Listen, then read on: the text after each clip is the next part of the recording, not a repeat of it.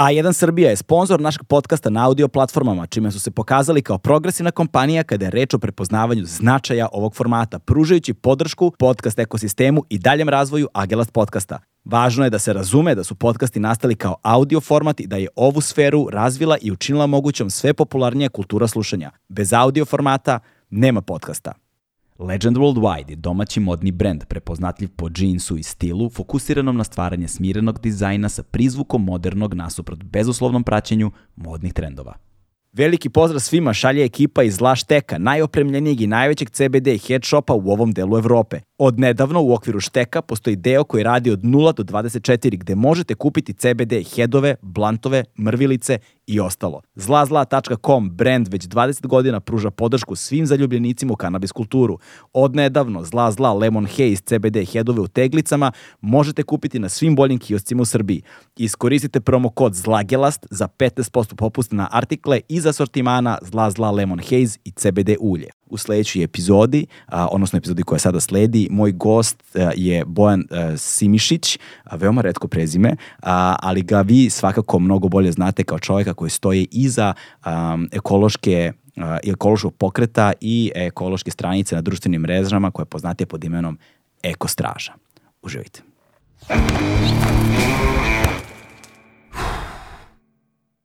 Hmm.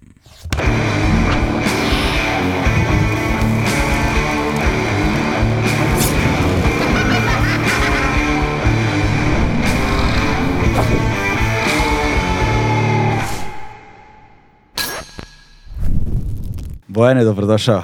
Hvala ti što si me pozvao. Hej, ovaj, a, u- shvatio sam da tvoje prezime nisam čuo ranije. Nije često. Nije često. Svi smo Simišić i pleme, što se kaže. Da, odakle ste? A? pa moji su ti, Ćaletovi su tamo iz krajine. Ovaj. Aha. To je taj neki čuk, Čukunen je bio neki Simo Pećanac i pošto se po legendi zakačio s Turcima, šta je stvarno bilo, nećemo znati. Da, da, nikada. On je u onom bežanju morao iz Simo Pećanac u Simišić, je ga, on je to sklepo tako i tako smo ostali. I tako smo, da, tako svi sad, smo Simišići rod, da. E, koliko vas ima? Koliko ima se miši? Jel znaš otprilike? Pa neki stotinjak, ja mislim. A pa to je baš redko, znači da. Da, da, redko je, redko je. Ako Red. stvarno nađeš još jednog, sigurno smo familije. Dobro, da znamo onda, da, znamo da. Kako si? Nije loše. Pazi, ovaj, a, a, pričali smo prošli put, rekao, a, trudim se, kad god se bavim nekim temama, gledam da ne zovem aktiviste, nego da zovem ljude koji su stručnjaci u određenim oblastima iz ono, milion jednog Ne, razloga. to ti, to ti je pametno. Da. Da, zato što je mnogo korisnije. između ostalog, da. Ali, ovaj, ti si jedan od retkih koje, ono, sam zapratio još u početku ekostraže, ovaj, i vidim da se stvari konstantno menjaju i evoluiraju, znaš, i imaš tu neku, kako bih nazvao, energiju onako uh, koja je dosta, znaš, na prvi pogled može deluje dosta ovako agresivno. Siro. Sirovo, da, ali u stvari, da. ali u, stva- ali u stvari negde čini mi se nužna i neophodna da bi celokupna ova stvar dobila nekakvu, na nekoj kritičnoj masi, nekakav zamajac, da bi uspela da stvori nekakav vrstu momentuma u situaciji u kojoj se nalazimo. Pazi, ali mora, zato što, znaš onu čuvenu Einsteinu definiciju, ako radiš iste stvari, očekuješ drugačiji rezultat, to je jednako ludilo. Mislim, vidi, ni, malo smo zaglavili, to moram da priznam, znaš, ali jednostavno takav je problem, ovaj, nije jako uzročno posledično prost ni da se shvati, a kamo i da se reši. Da. I onda, znaš kako, ono, burgijamo ga kao na isto mesto, ali pokušamo malo sa strane, tako da jeste ta priča evoluira i ko zna na čemu će da se završi, ali ono, kontam da je upornost najbitnije, pa. Da. Ali ljudski ono skepticizam, nepoverenje, u, ono uopšteno nepoverenje, posebno prema nečemu što su građanske inicijative, nevladin sektor i tako dalje, je, znaš, je još jedna prepreka koju moraš nekako da savladaš. Pa vidi, jeste. Mene vrlo i zanima ovaj ti, kako ti kažem, ja kad sam počeo sa ekostražom, interesuju me ti neki socijalni momenti, razumeš, znači ti, te i društvene anomalije. Razumeš, i to je vrlo interesantno, znaš, ali postane malo iritirajuće kad hoćeš nešto da rešiš, pa ti se sve to dešava ono u svakodnevnici, znaš. Da, da, da, da. Kad bi mogo iz neke treće perspektive da posmatram, bilo bi vrlo interesantno, znaš, mogli bi čak i E, naučni radovi da se pišu. To, kada bi mogli svi da se izmestimo malo i da posmatramo sebe umesto ja, da kažemo on, onako sa distance i da se udaljimo od svakodnevnih obaveza i problema pa da ih posmatramo, što bi Ameri rekli big picture, jel te kao, znaš, to krupniju sliku. Ovaj, svašta nešto bi nam došlo u perspektivu, ali ali kada bi, kada bi Eh. moglo, kada bi Eh. moglo. Ajde pre nego što se bacimo na eko stražu koja je veoma zanimljiv fenomen i glavni razlog, jel te, zašto si ovde. Um, uh, zanima me, ono, ko je Bojan pre Eko straže? Pa vidi, Bojan je sad prvenstveno tata. Razumiješ, Ok. to mi je glavna funkcija. E, ovaj, i Eko straži jeste potekla iz toga, ali sem toga, ne znam, ja sam ono tu dete, ne mogu kažem s vrućeg asla, asfalta, ali jedan tipičan beograđan sa tipičnim beogradskim akcentom koji čak i nervira neke ljude, Da, da. ovaj, koji je radio tako sve i svašta i možda što je najbitnije putovo je, razumeš, i dosta vremena provio u inostranstvu da zna kako stvari mogu da funkcionišu, razumeš, i ima neki reper da uporedi stvari u zemlji sa različitim delovima sveta. Znači, ne je nužno loše, neke stvari su dobre, znaš, ali ovaj, mogu da ima taj kliker da skonta da nešto nije u redu. Ali ovako profesionalno, ne znam, imam taj neki svoj studio za dizajn koji furam već 12 godina, sem toga sam uh, instruktor ronja, profesionalni, bavim se time, sezonski, freelance, i radim tako što neke šljake i super nam je ono. Razumeš, Okej. mi smo čopor, ono, četvorke koje putuje, razumeš, po svetu. Četvorka, tako. pretpostavljam dvoje dece i supruga Tako ili? je, A, tako je, dobro, tako je. dobro. A reci mi, uh, pretpostavljam da te je ronjenje u stvari vodilo na put oko sveta u velikoj meri. Pa čak i nije. Znaš, najviše me, vidi, meni je najveća mogućnost bila što sam mogu da radim remote, razumeš? I onda smo, tipa, ne znam, ono, ja i Jelena zapalimo s klincem Kostarika i Panama dva meseca preko zime, razumeš, tamo radimo, ono, tipa 4-5 sati dnevno, ostatak dana, ono, provodimo negde, hajkujemo, idemo na dnevne ture, sami organizujemo i tjernere. Ja sam veliki fan low costa, znači, mi smo ti, ono, stop varijanta sa detetom, razumeš, bez problema, ljudi staju, kupete, vozete, Pazi, na kraju to dođe skupo za neki prosečan srpski život, znaš, ali opet kao ja dok sam tamo i radim pa zarađujem, kapiraš, meni investicije recimo aviokarta i sav ostali, ovaj, sva ostala sredstva koje zaradim tamo licu mesta potrošim i to nam je bilo super, razumeš? Da, da, da. Ovaj, međutim, znaš i samo, dete kreće u vrtić, ono, postaješ deo sistema i neizbežno bubble mora da bude penetriran. Jeste, jeste, to jeste problem, jer to je nekako gradacijno ide. Dakle, kad se ono rodi dete u tih ono prvih ne znam koliko meseci života dok ne krene, jel te, u, u, u jasli ili u vrtić, imaš neku slobodu, ovaj, da s detetom ideš gde god, radiš šta god, posebno u prvih nekoliko meseci kada dete ono spava non stop, znaš, Tako nema je. nijeke velike... Staviš mu kenguru ovde, brate, i pičiš. I pičiš. Malo leđa pucaju u lumbalni deo, ali... ali, ali može se. se, da. E, pa kad krene vrtić, onda mora se ustali nekakva rutina. Znaš, Tako je. to. Bolje A- zbog njega, ne samo zbog nas, znaš, Da, da, jer da. sam i to razumeo.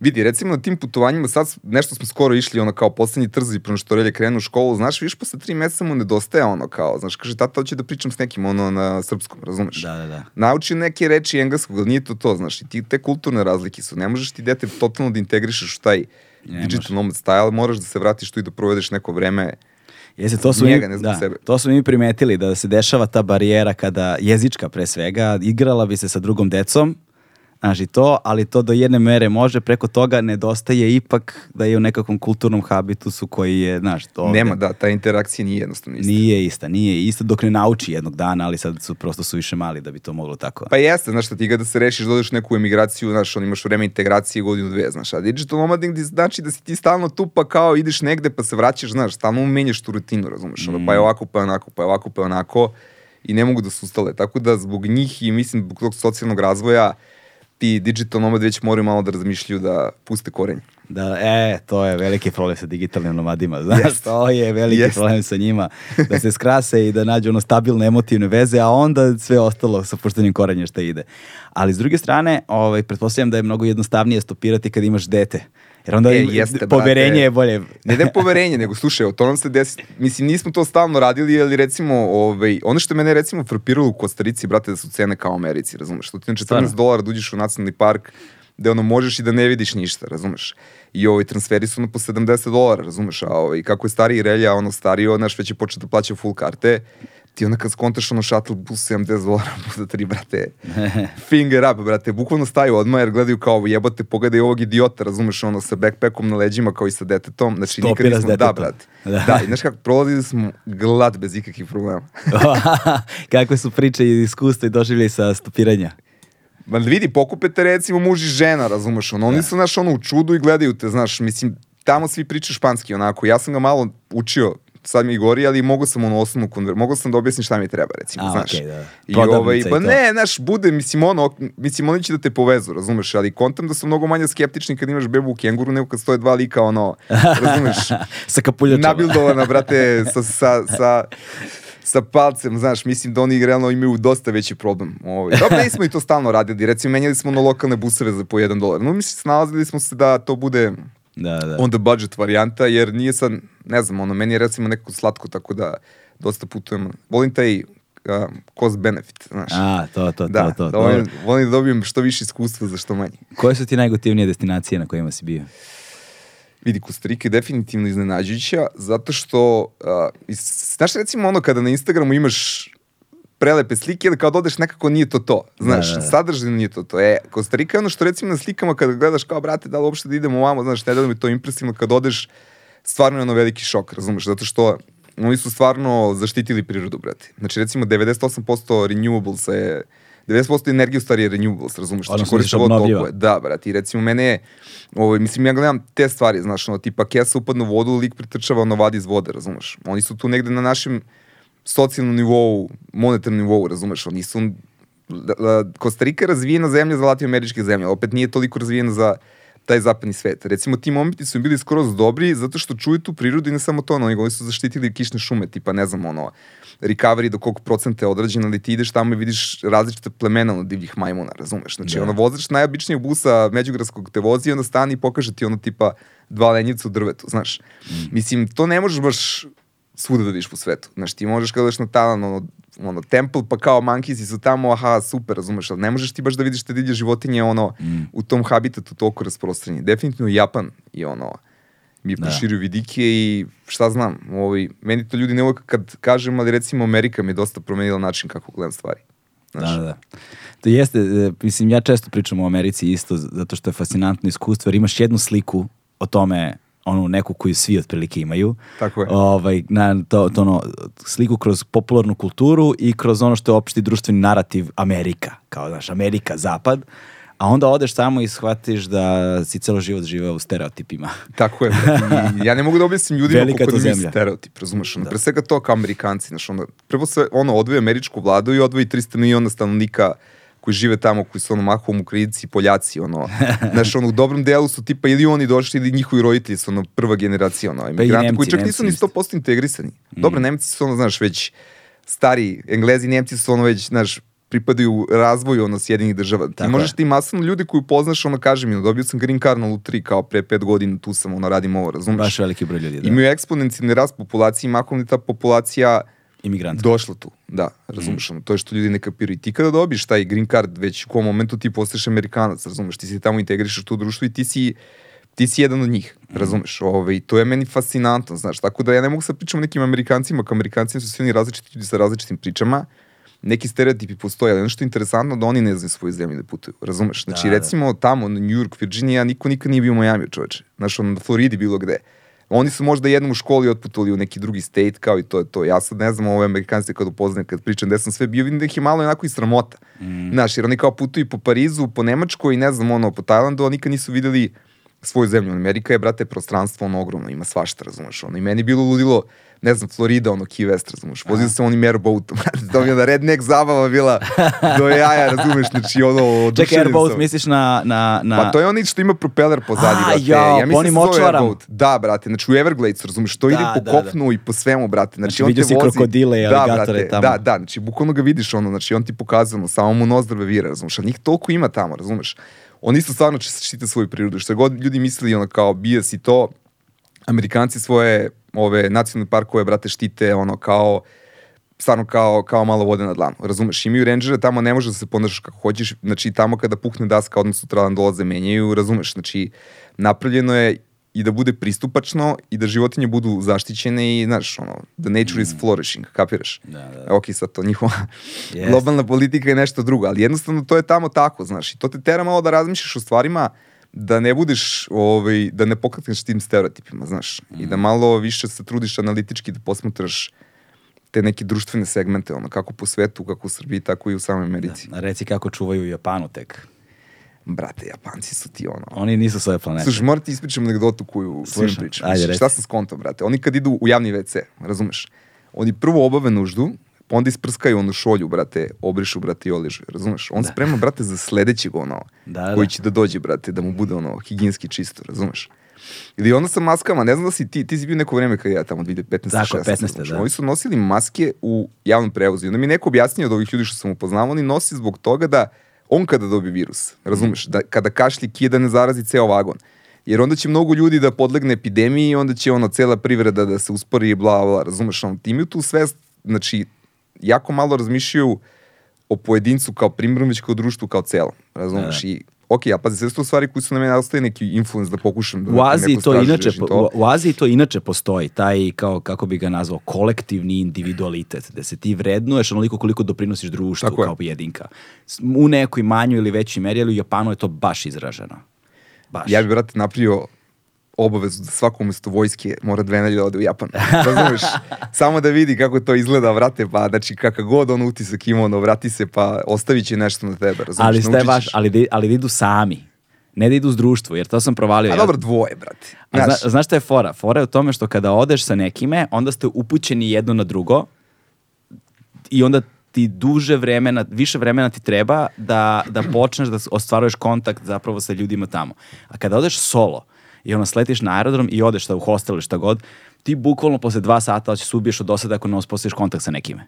ali dobro, u hostelu sposiš kontakt sa Nemcem, Rusom ili, razumeš, To, ono, to jeste, momkom iz Čila, to, znaš. je- to jeste pretnja, ali ono, izađeš iz hostela i kreneš peške samo po gradu, mislim, znaš, Tokio, na primjer, koliki je, i onda upoznaš ljude, vrlo lako, druželjubivi su strašno. Samo je teže naći nekog ko govori engleski, to je, to je, to je izazov ozbiljan.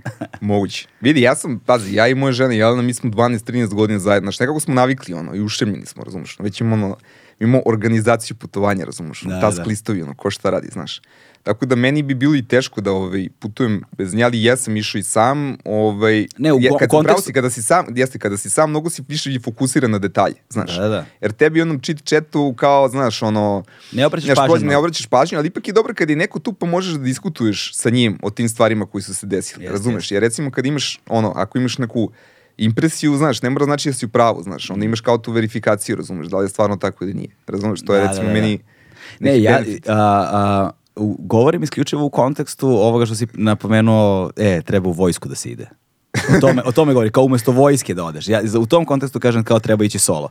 Ovaj, zato što u suprotnom, kada ideš isključivo radi zadovoljstva ili šta god da je namera, um, ja sam provalio na nekim, u nekim životnim iskustvima gde sam sam nešto doživljavao, a što je izuzetno i što se redko dešava i što ti ja znam, a, da mi sada kad god evociram ta sećanja, fali mi da sam to doživeo sa nekim da imam s kime da podelim iskustvo, znaš, to je ono, taj moment deljenja iskustva je strahovito važan. Nekada neke stvari koje sam doživeo sam, kada ih samo prepričavam, deluju prazno u prepričavanju. Fali mi neko ko će da razume u potpunosti, znaš. Jeste, vidi, to je činjenica. Mislim, naj, vidi, najlepše kada možeš ono da ne može to da ima svako, moraš da radiš dosta, moraš da recimo baš da napriš da ti život bude takav. Znaš, taj remote working, to se, po, vidi, mi smo razno dobra iskustva imali, razumeš. Znaš, tipa ono, ja sam čak i ono, položio sam za skiper u jednom trenutku, razumeš, ono, kao sve to bilo ideja za već, veće grupe, na kraju smo išli sami zbog organizacije, jer, znaš, dok ti jednog, jedan odustane ovo ono, ti daš depozit, onda on ne plati, ispadnete ko Svetog Petra Kajgana. Da. Ja sam poslednjih dva jedranja rešio da idem samo sa porodicom, razumeš, znači to ti ono, mu žene dvoje dece, sedam dana, spavaš na sidru, znači te stvari koje te vezuju, koje ti Čekaj, a ostavljaju... kolika su ti deca bila kada si prvi put išao na jedrenje? A1 je prvi prijatelj audio izdanja Agelast podcasta. Um, pa vidi, jer je bio na prvom jedranju kada je bio sam još, kada je bio beba sa, mislim, 11 meseci, tako Wow. nešto. Da, ali smo vodili ispomoć, ono kao, znaš, da nas bude plus jedan, ali poslednje jedranje smo bili, bili su, ja mislim, prošle godine smo preskočili, recimo 4-1 ili 5-2. Mm. I ovaj, dobro, mi smo se pripremili, znaš, imamo ono harnes kao, znaš, za bebu sve po PS-u, ono, minimum risk, ali jednostavno... Mislim, zeznuto je sa decom naš na, na jedrenju. Vidi, jeste, ali kako počneš da gledaš ove porodice što prelaze Atlantik, razumeš, ono kao, znaš, sa, cijela porodica sa svoje dece i kad pomisliš koliko njima te kažu da su ono idioti, razumeš, ono, a suštinski stvarno da kucaš u drvo, nikom od njih se ništa nije desilo, znaš, onda kontaš tu si, brate, u Grčkoj negde, Da, da. u nekoj, ono, U nekoj znaš, sigurnoj zoni. Da, da, ipak si u sigurnoj zoni, razumeš. Turističkoj ono, turi, da ništa nije drastično Pa dobro, jesi, ali vidi, velika odgovornost, znaš, moraš da pratiš. Dosta ljudi se naivno ponaša prema tome, onako poprilično casual i naprave štetu, na primjer, znaš, to je recimo, ne, ne desi se nikad u tom jedranju iznajmljive vedrilice da bude neka ljudska žrtva ili povreda, razumeš? Mislim, možda na nekom tumbanju na neku polomiju na mali prst ili tako nešto, ali uh, ljudi omlate, brate, tradicije, ono, gube depozit, razumeš, štete budu neverovatne, razumeš, u tom ono puštanju, kao, znaš. Da, da, da, da, da, to jeste. A instruktor si ronjenja, ono, sa, sa bocom, skuba ili... Scuba diving. Scuba diving, Tako da. je. Koje su ti najgotivnije destinacije da si ronio? Pa vidi ovako, meni su najbolje iskustvo bilo u Egiptu. A Egipat? Da, da, znači pazi, ronio sam i u tropima, znači ono ne znam, ronio sam i u Kostarici tamo na Pacifiku, ronio sam na Filipinima, ronio sam uh, na Tajlandu, na Mauricijusu, bilo je tu dosta tropskih de- destinacija, ali ono što sam doživio u Egiptu, recimo, to mi je bilo top. To razumeš? mnogi ljudi kažu da je tamo, da je Egipat zapravo jedan, jedna od tipa top 3 ili 4 destinacije na svetu za ronjenje. Jeste, brate. Nikad nis, vidi, hoću da idem na Galapagos i na Rađu Ampat. Mm. Malo nemam još budžet za to, ali ovaj, bit će jednog dana. Ali stvarno, recimo, evo recimo u Egiptu, nisu ni sve destinacije iste, znaš, nije to ronje ispred hotela, recimo ti safari brodovi su najbolji. To je kad ideš, recimo, 7 dana si na brodu i on se od, odvije od kopna, ide ka otvorenom moru, znaš. Imate neki Dedalus Reef, evo baš gledam ovaj svetionik. Aha, ne, u da, stvari ovaj bre, asocira me na ovaj, kako se zove, ima svetionik na sred Crvenog mora, razumeš, i onda a, to je greben, brat, i Da. tu je dubina ide 600 metara dole u dubinu, razumeš, i tu su ajkule čekićere koje Mhm. rone na 40 metara i kako se temperatura penje, oni dođu na neki 30, razumeš, i treba da pogodiš sezonu kada nisu previše duboko i dođeš, to se nama desilo, bukvalno smo uleteli u ovaj, uleteli smo u jato, brate, čekićera. Kako i taj adrenalin iskustvo? koji te cepa, ne može se poredi ni sa Kolike su te čekićere? po vidio na 2 metra, 3 metra, razumeš. Velika riba je, ti ide s onim okom sa strane, onako te proučavate, razumeš, on ide oko. Mislim, ima tu raznih vrsta ajkula, nisu samo čekićere, razumeš. Da, da. I ono, kao, znaš, ne znaš kako, mislim, znaš, vidi, ja se uvek vodim logikom i statistikom. Ja sam prvo pitao lika, brate, nekad pokidala neka, kao, nije nam se desilo nijedan nesreća za 20 godina, kao, to, kao, znaš, statistički, statistički su šanse jako mali da će nešto da mi se desi, znaš. Da. Ili su statistički u, u, u crvenoj zoni kada se dugo ništa nije desilo. pa je vreme da se Jeste, desi. ali slušaj, imaš tu, ti kada roniš, naučiš recimo šta su prave opasnosti, razumeš? Znači, e, najopasnija stvar u, ronju ti je struja.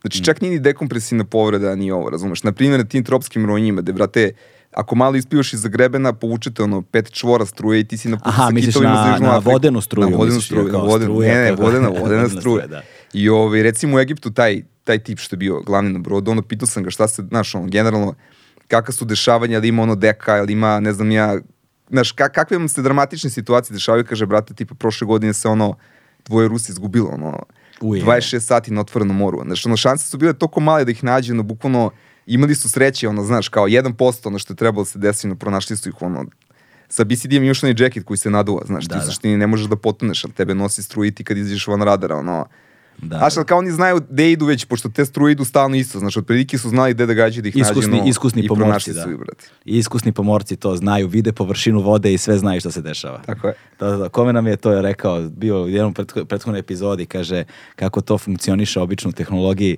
a, kaže, po, pore- napravio je pore- poređenje sa tim pomorcima, kaže, kad pomisliš da treba da digneš jedro, znači da je već trebalo da ga digneš.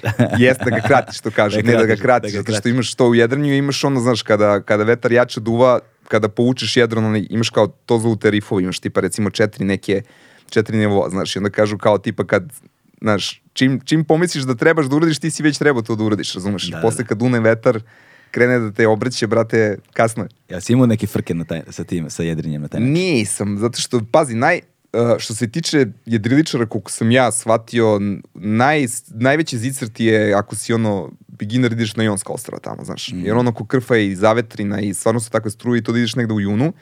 Ja sam uvijek išao tada, ovaj, kad god sam vidio da može da bude nešto ono, turbulentno, ja sam ostajao ono, u marini, znaš. Da, da. Nisam teo da se kockam. Nije meni to da se pravim. Meni recimo kod jedranja najlepši osjećaj taj uh, samog jedrenja, razumeš? Ja sam učio na Savi, stvarno sam naučio da jedrim, prvo što sam položio za skipera i to, razumeš? Kada ti digneš jedru, isključiš motor, brate, ideš na snagu vetra, razumeš? Znaš, i onda te vozi od tačke A do tačke B, od ostrava do ostrava. I onda dođeš tamo i rešiš da ne spavaš u marini, nego baciš sidro, brate, u neku zavetrinu, znaš, na nek, nek, neku malu uvalu koja je van struja i svega, van vetra i onda noću, brate, znači gde nema nikoga, ono samo zvezde siju i ti si ostao sam tu i ono kao osjećaj, ne mogu ti objasniti. razumeš? da. To mi je baš top, brate. I ribolov, stvarnosti. brate. Da, I? znači, pa podvodni ribolov, probudiš se ujutru, razumeš, mislim, ja sam amater, ali ajde, malo sam vežbao na pneu, znam da upecam što kažu, razumeš? Aha, znači imaš harpun, nosiš sa sobom. I imam ili podvodnu pušku, pušku. podvodnu pušku, da, razumeš. Znači, mogu da nalovim ono da imamo neki ručak, brate, sveža riba, razumeš, Mm. ono, maslino ulje, tiganj, brate, nema ništa lepše. Ali pazi, mnogo je teže, uh, podvodni ribolov je mnogo teži nego što ga ljudi zamišljaju. Ma jeste, kako njima ne može da bude. znači, on se bude vratim niste čime, razumeš, Ne, posle mnogo, dva sata. Da, ali mnogo je teži, zato ja sam pro, proveo sam, imam prijatelje koji su ozbiljni uh, podvodni ribolovci, ono, na Profesionalci. A, profesionalci, apneisti i ono, to rade svakog dana već 20 godina svog života i više. Neke, upo, upoznao sam neke starije koji to rade preko 40 godina. Ovaj, koji su lovili ozbiljne, imaju fotografije, znaš, nisu one ribolovačke priče, nego sam gledao, imaju članci o Jasno, njima, jasno. recimo gde su... I have picture to prove it. Da, da, i članci novinski koji su bili da su uhvatili recimo svojevremeno svetski rekord u najvećoj uh, tuni uhvaćenoj uh, E, to je, brate. najveća tuna uhvaćena na podvodnu pušku, znači na, na, i to na dah. To je već zajebano, Na dah, uh, ovaj, poznati apneista Zanki iz ovaj, Splita, na primjer, i tako dalje, s kojim sam sedeo, koji mi je prepričavao kako izgleda to ronjenje i hvatanje tune na dah, mislim, to su nenormalne priče.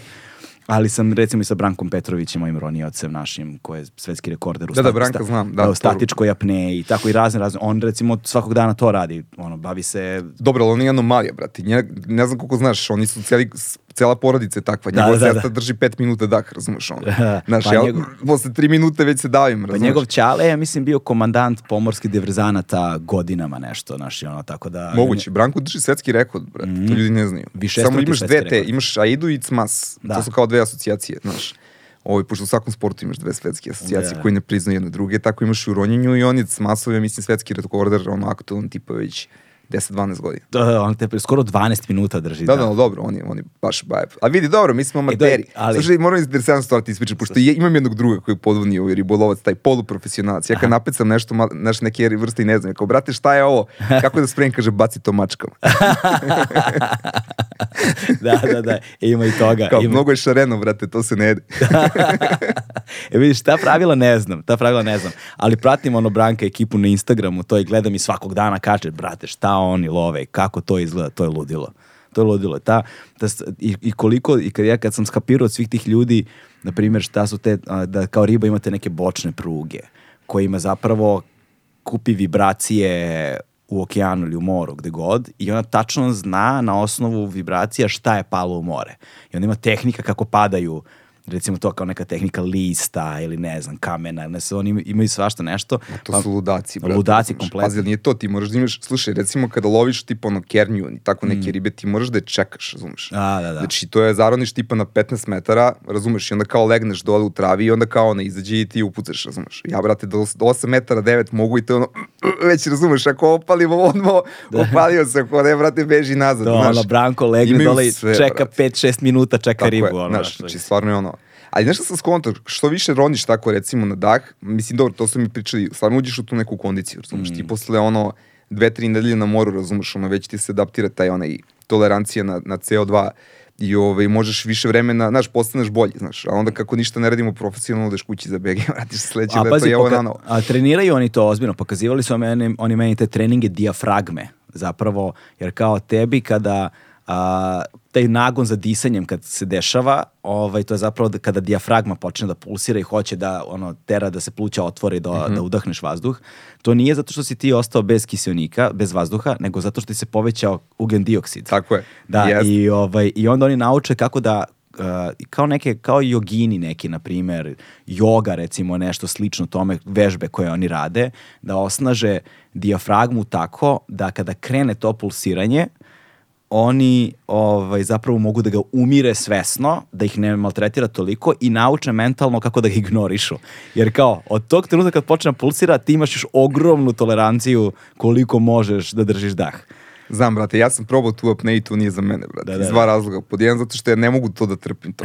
Te kontrakcije, znaš, ja sam hedonista, brate, volim ono... Da uživaš. No pain, brate. Da, Da, znaš, ono, ne verujem u taj bol, a drugo, brate, meni mozak piče ovako, razumeš, ono, pod vodom. Ja ne Da, mogu da da. se opustim, troši kiselnik, razumeš. Da.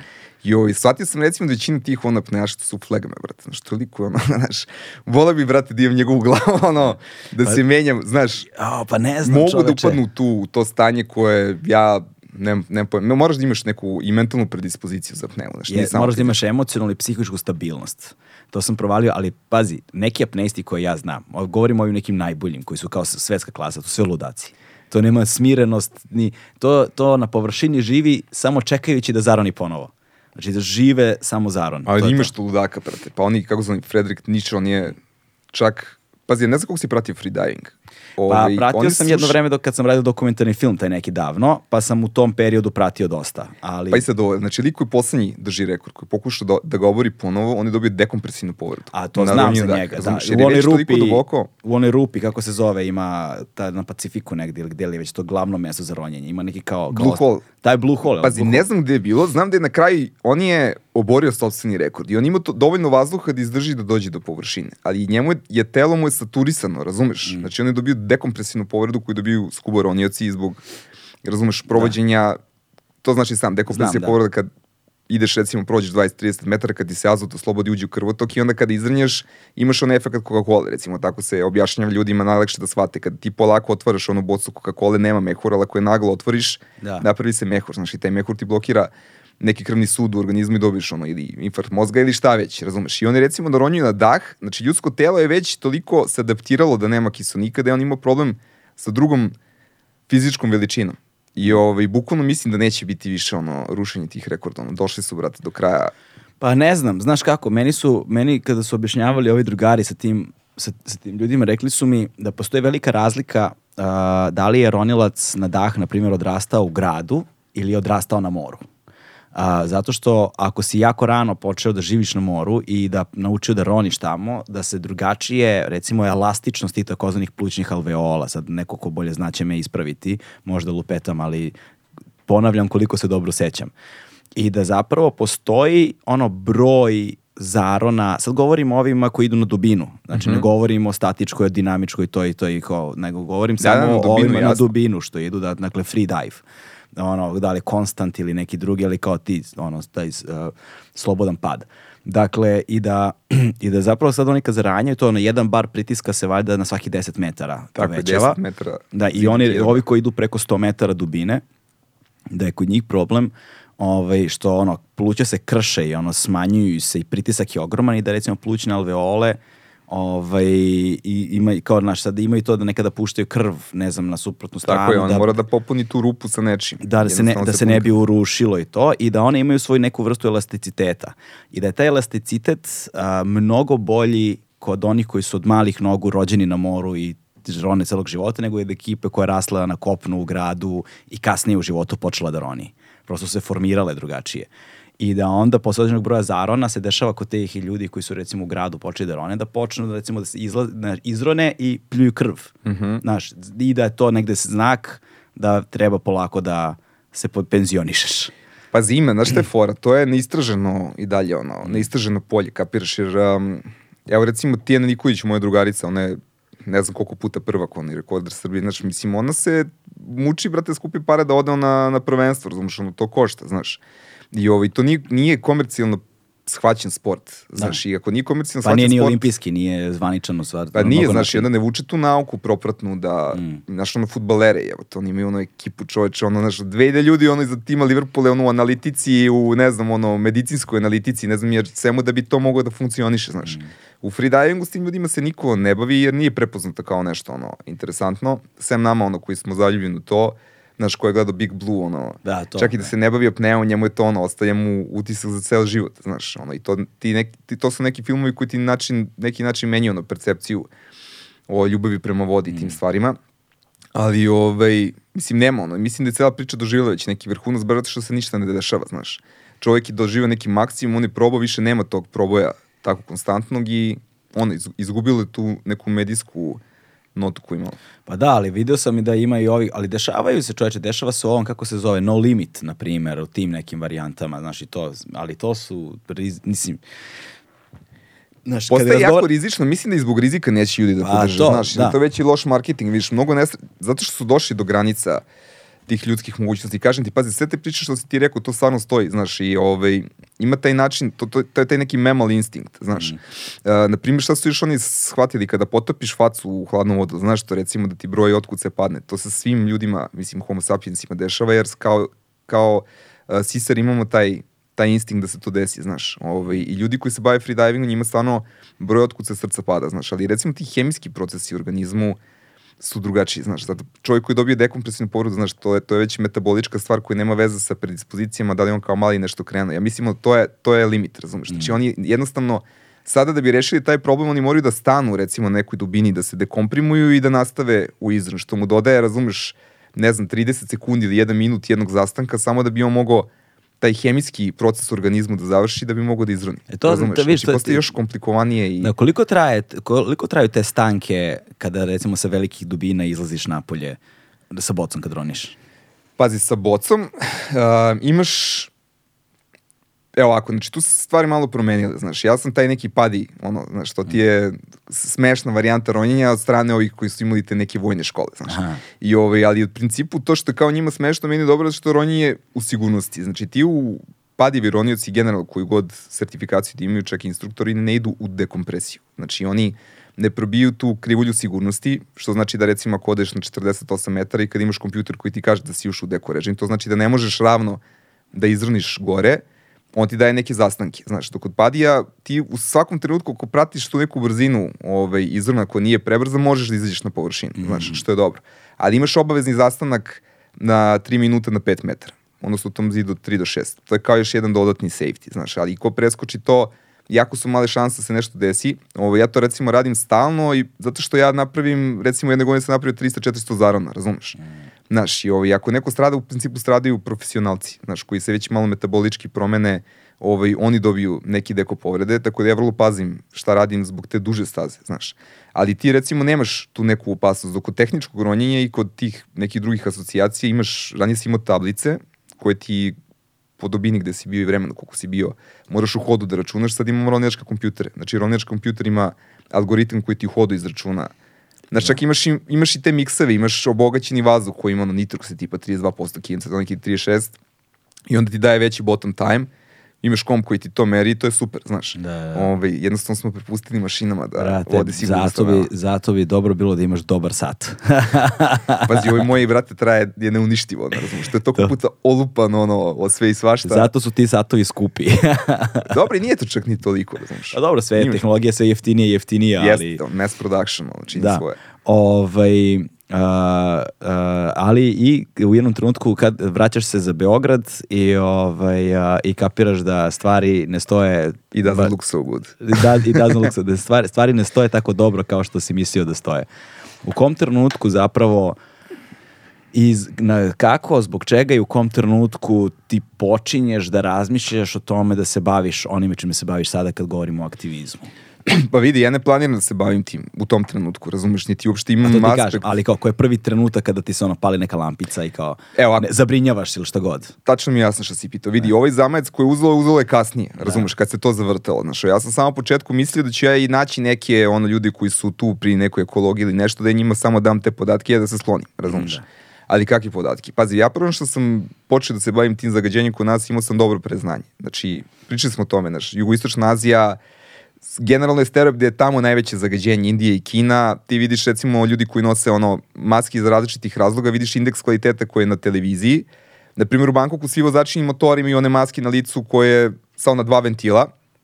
Uh, I to su nanomaske, oni ih tako zovu, znaš. I ovaj, tamo je ono, i koristi se taj, taj termin nanomask i kada pričaš sa ljudima, oni ti kažu tipa da je povećeno zagađenje, vidiš da već postoje te neke aplikacije, postoji taj indeks kvaliteta na, na nacionalnoj televiziji ovaj, koji se emituju u Chiang Maju, onako, brate, tipa toplo vreme, neka su mogli sa haze, tako ga zovu, znaš, vidiš ti da tu nešto nije u redu i onda kad se vratiš kući, što se meni desilo, razumeš, ono, tipa, kad se rodio Strahinja, mlađi, znači prva šetnja, tačno se sećam, bili smo kod hotela Jugoslavije i kao neka magla, nije magla, znaš, ono, nešto se tu dešava što nije kako treba i onda dolazim kući i jedan od mojih prijatelja podeli na svom zidu tad prvi put se srećem sa Air Visual kao Beograd danas najzagađeniji grad na svetu. Ja rekao, brate, ne može, znaš, nemoguće, brate. Kao znači, bio sam po svetu, video sam. Tako je, brate, mi smo u banku, uh, na, u Pekingu kad smo sletali, Da. ovaj, znači avion je sletao i razumeš ti ne vidiš ništa, samo tup kao sletao si, bukvalno ne možeš da vidiš ono sledeće krilo, razumeš, jer to je vizualno, vizualno to zagađenje tamo jako gadno, znaš, i onda kada ti, kada dobiješ informaciju Beograd je najzagađeniji grad, onda, znaš, malo te zaintrigira, razumeš, i onda, e, tu kreće to istraživanje, što kažu isto teoretičari zavere, onda sam krenuo da istražujem. Da, da. Ali samo razlika što sam ja pokušao da dođem do zvaničnih informacija, razumeš? Mm. Znači, ne nešto što je tamo zakopano, što je neko pričao, nego ti jednostavno dođeš do izveštaja SEPA, dođeš do tog izveštaja Europske agencije za zaštitu životne sredine i skontaš, brate, da smo mi ono u gadnom problemu. I onda, pošto ja ne prepuštam tako stvari slučaja kad se nešto, znaš, zainteresujem i tehnološki se zainteresujem, nabavio sam merač PM2,5 čestica Gde si ga nabavio? Preko AliExpressa. Da, ima. Xiaomi, ima da se Xiaomi ima, da, da, da, da, da. da. Ovaj, to je neki ono sistem, ono, laserska disfrakcija, misli se zove, tipa jeftine tehnologije, ali je poprilično precizna, znaš. Ovaj, mi smo to posle merili i upoređivali. Međutim, ja uzem to kao ajde igračka da se zezam, razumeš? Ono, ja sam na Lekinom, brate, ja sam, kad sam ga uzeo prvi dan kao ništa, drugi dan ništa, treći dan tipa ono 200 i nešto ono PM ono terasi, razumeš? I onda ti kreneš nešto da upoređuješ, vidiš da tu nešto, nešto stvarno nije u redu, razumeš? I ovaj, ta zima je nešto poprilično bila gadna, brate, znači meni Koja je taj to zima bila? To je bila 2019. 2019 na Da. 20, da. Pazi, meni je senzor taj pokazivao ove vrednosti koje su kao New Delhi, ono, u najgorim danima. Razumeš? Na nekino. Jednostavno neš, nešto tu nije u redu. Ja sam pokušao razne ljude tu, razumeš, ono, da, da kontaktiram. Slao sam e-mailove, slao sam screenshotove. Ja sam pokušao, naš, analitički to da napravim, da vidim. Međutim, tada te godine ti u vestima nikad nigde nisi mogao da čuješ ništa vezano za zagađenje. Jednostavno, to je bilo na conspiracy theory, da se nešto dešava, znaš. I sad je bilo ovaj, moment da ti ili ćeš kao da ćutiš tu nešto da se ono, znaš, u svoj četiri zida baviš tim ili da pokušaš da alarmiraš javnost jer je stvarno ono, znaš, kao vidiš da je neki veći problem, jer ti pronalaziš neke ljude koji su stvarno na glave ovde kod nas koji se bave tim problemom u nekim intervjuima, ali to je, to je marginalizovano, znači nije, nije mainstream priča, razumeš. Ovaj, a ja sam do tad već bio ono, pratio sam ono, odbranimo reke stare planine, razumeš, ja sam teo da volontiram za Sea Shepherd. Meni je generalno aktivizam kao pojam bio jasan, ja sam skontao da tu treba se napravi ono, neka Facebook strana, da se nešto tu deli i da pokušava da se ono, dođe do neke šire javnosti. Znaš, kako je vreme odmicalo, ja sam uveč, ono, tipa stavimo relju spava, ja čitam ono naučni izveštaj, razumeš, jer ja nisam čitao gluposti, ja sam stvarno pokušao da čitam medicinski izveštaj, ono, relations between PM2.5 i već nešto, razumeš, da li je diabetes, da li su ono, rak pluća, arteroskleroza, šta je već, i onda sam shvatio da ima 30.000 naučnih radova vezanih za temu PN 2,5 i nekog medicinskog problema. I ono, stvarno je kao wow. Gde onda- nalazio te radove?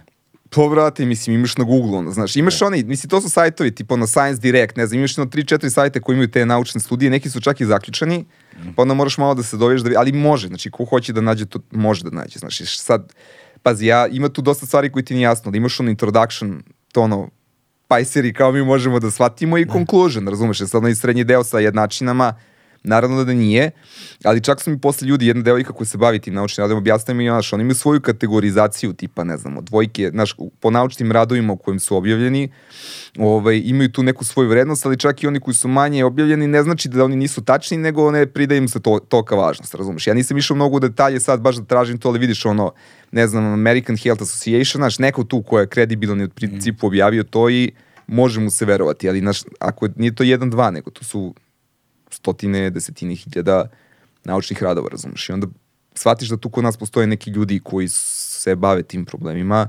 organski hemičari i neki ljudi iz medicine, samo i oni ne dobijaju taj javni prostor i razumeš da je tu potrebna neka gerila ono da se uradi, razumeš? Da. Online gerila, ova Da, pa naša. bila, na- bila nam je Dragana Jovanović, uh, Tako je. pulmološkinja i pulmo-onkološkinja koja, je, koja se baš bavila tim, ona se baš i dalje bavi time aktivno. znaš. To je neko ko je, i ona je govorila naširoko zapravo toj vezi između PM2 čestice i razno raznih bolesti. Tako je. Slušao sam. To mi je jedna od tvojih naj, da ovako kažem, najbližih emisija. Da, Da, da. znaš. Bile sa Dejanom Lekićem, tako beše. Tako, sa Dejanom Lekićem, da. Tako, ja tu priču jako dobro znam. I zato sam ti rekao na početku, e, mnogo je bitnije da pozoveš takve ljude, znaš. Mm. Jer to, znaš, Bojan koji čito nauči, da to, brate, može da znači nešto, ali ne znači ništa.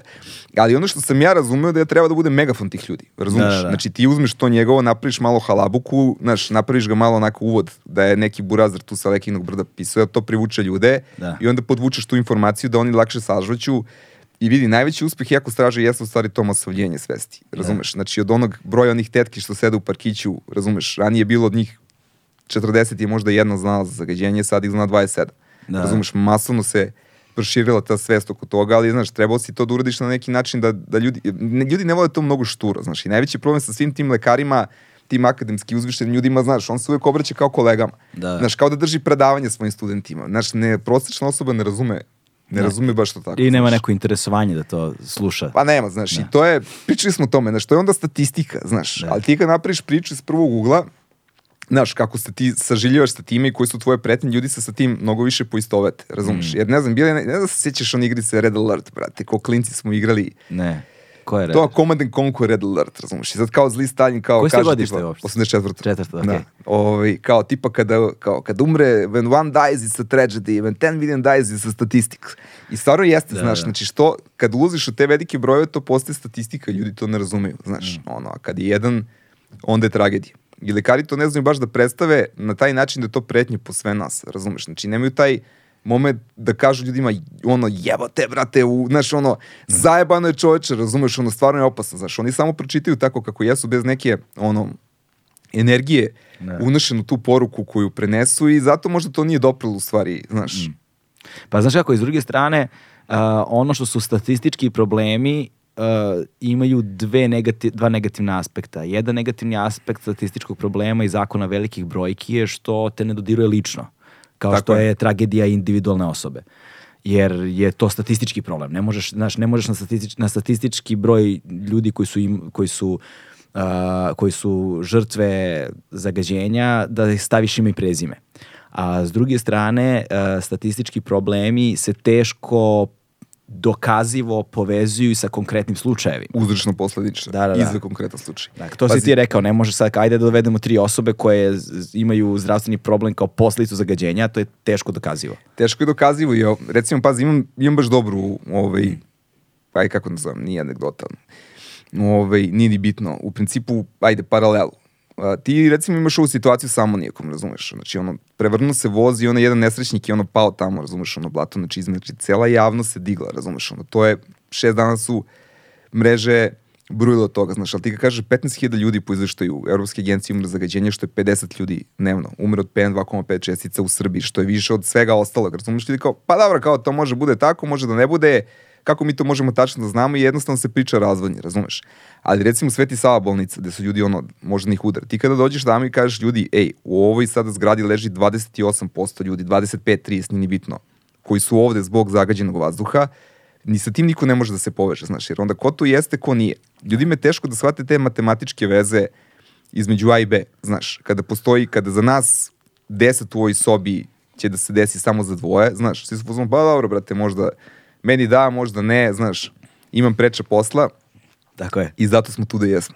Da, I ovaj, kako je izgledao sam početak ekostraže? Ti dolaziš gajbi, čitaš te radove, pokušavaš da skapiraš neku vezu i kom trenutku ti, šta, prvo si napravio Facebook stranicu, jeli? Jeste. Ne, prvo sam probao YouTube, pa je to propalo, niko ni teo, ni- nije, nije algoritam zavrteo to nameraš. 420 PM čestica na Dušanovcu, znaš. Da. Ne, skonto sa ljudima nije jasno šta je to. Razumeš? Da. I ti ljudima koji sam pisao, razumeš, ono tipa, ne znam, pisao sam tipa Ćuti, ono, pisao sam nekim ono lekarima, razumeš, ono, nekim ono voditeljima kao ljudi, evo šta se dešava. Znaš, oni su možda čak i pogledali to, nego ono, nije im bilo jasno i ono, pustio budalu, mislim, ovo je skrenuo. Da. Su moji, moji prijatelji su kao vidi ga ovaj šeno, razumeš, kakvi PM čestice, razumeš, bili su vrlo skeptični, ono. Ali ja sam bio ono kao spreman da istrem. Međutim, ono što je frapantno, ja kada sam napravio Facebook stranu, prvih 2-3 hiljade, 4 hiljade ljudi koji su došli, to su sve bili ekolozi, biolozi, lekari, razumeš, ono kao tako je, da, evo ga jedno mesto, kao. I oni su bukvalno potvrdili ono, Da. sve što se piše tu i ono dopunjavali su temu, počeli su da bacaju drugi ono reference koji imaju, razumeš, i tako je to počelo da raste, razumeš, ne samo zbog ekog straže, nego jednostavno kao neki mali Facebook community su došli svi ljudi koji su svesni toga i zato što oni jesu, oni su, znaš, vidi, Facebook algoritam je takav, ti možeš da pišeš šta god dođeš. Ako ljudi koji nisu tu zainteresovani da to dalje še, da, da šeruju i da učestvuju u tim diskusijama, to je mrtvo, razumeš? I tada u to vreme, pošto sad Facebook al- algoritam ponovo kljoknu, u to vreme, ako si stvarno imao aktivnu stranu, to je eksponencijalno brzo raslo, razumeš? I stvarno ako raslo je pomalo, počeli su ljudi da čuju za to, počeli su pravi ljudi pre svega možda da, da, da prate to i onako počeo sam da dobijem taj medijski prostor pomalo, znaš, zovu te iz jednog portala, pa iz drugog, pa prvi put na TV i ono kao počela jako straža da raste i onda u jednom trenutku vidiš da će to da izbije nešto veće. CBD je, pored THC-a, najistraženiji kanabinoid iz sveta industrijske konoplje. Samo što on nema psihoaktivno dejstvo. Mnoge studije potvrđuju njegove pozitivne efekte i pomoć pri problemu sa spavanjem. CBD ne uspavljuje niti omamljuje, ali je san čvršći i kvalitetniji. Tako reći, budimo se odmorniji. E, sada, ovaj, umeđu vremenu, uh, koliko je velika ta Facebook stranica uopšte sad? Pa vidi, to je, sad imaš ono lajkove i, i followers, ono, tipa Da. ima 92, 3, 2, 3 hiljade, ali to ima već duže vreme, to ne raste, znaš, ono, sad je Instagram recimo glavna, na Instagramu je ono, po 600 hiljada ono video pregleda ima, Da, da, ima da. reel, razumeš, i, on, i, i raste tipa svaki dan, tipa po, po 50 ljudi recimo zaprati. Ne, ovaj, ali, dakle, ti sad počinješ, kada si napravio stranicu? 2019. si je napravio ili 2020? Ne, 2019. 2019. Tipa vidi, to je od septembra do decembra, vrlo, vrlo, vrlo brzo su se stvari dešavale Mm. i ovaj, u principu tu negde taj jesen, jesen, je, znaš, jesen je nekako i, i grđe od zime zato što tad krene ono udarno, razumeš, kad Da, krene da. ono sve da čađe, ono, ne znam, ono, toplane na mazut, znaš, i onda se Kad to kao neko malo... da. da. i onda krene malo gore dole, znaš, pa to već uđe u, u, u neki svoj komfor. Da, da, da, da, da, ljudi se naviknu. Naviknu, da, naviknu se na informaciju, znaš, ne naviknu se na zagađenje, ali naviknu se, znaš, kao ljubičasto je dobro, kao sad je palo crveno, kao ok, sad je popustilo, razumeš, a ono crveno u stvari opasno samo po sebi do te mere da ne možemo da zamislimo. Da, da, znaš, ono, pome, pomera se ta, to, to smo pričali, to pomera se ta tolerancija, znaš. Kako i ne? Kao, do, do juče sam izlazio samo kad je zeleno, znaš, a sada kad je žuto, ajde kao može, znaš. Pa da, evo, juče sam pričao sa jednim drugom, žuto je ono, žuto i za go, znaš. Da, da, da, da, da. Naranđasto kao da razmislim u kom sam raspoloženju, znaš. To. E, ali ovaj, i sada koliko se tvoj život menja u, u, u tom trenutku, jer jedna stvar je kada počneš da se baviš nečime, nemajući nikakvu svest o tome u što će to da se pretvori. Kao nadaš se da ćeš da postigneš nekakav rezultat, da će to postane veliko i tako dalje, ali ne možeš ti da domaštaš niti realno da doživiš a, šta su sve izazovi prepreke i koji su sve pritisci sa kojima se suočavaš onog trenutka kada to pređe nekakav, nekakvu, kritičnu, nekakvu kritičnu tačku. Ovaj, jer to svakako onda mora počne da utiče na to čime se baviš i šta radiš profesionalno i na tvoju porodicu i tvoje klince i tvoj svakodnevni život i tako dalje. Znaš, to su sada i onda treba pomiriti ta dva i treba se nekako nositi sa tim preprekama i s tim stresovima.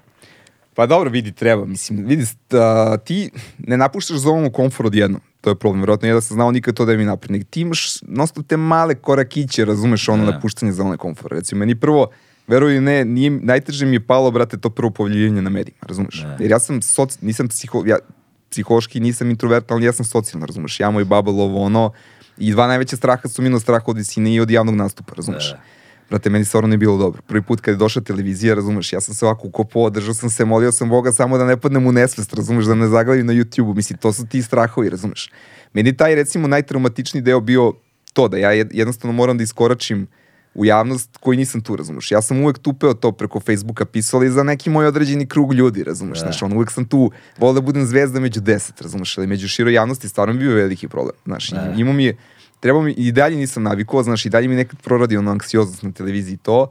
Ovaj, to mi je bio problem. Is- iskreno, i- ako si normalan, nikada se ni, ne, ni ne navikneš. Misliš? Ma da, Ti jesi se navikao? Ne, nikad, A? nikad, nikad, nikad, nikad. To i još jedna stvar na koju se nikad nisam navikao da gledam sebe ili slušam sebe. E, ali to su valjda primalni strahovi, brate. Znaš, to Ne sam, znam. čitao sam o tome. To je nam je usađen kao strah od visine i strah od javnog nastupa.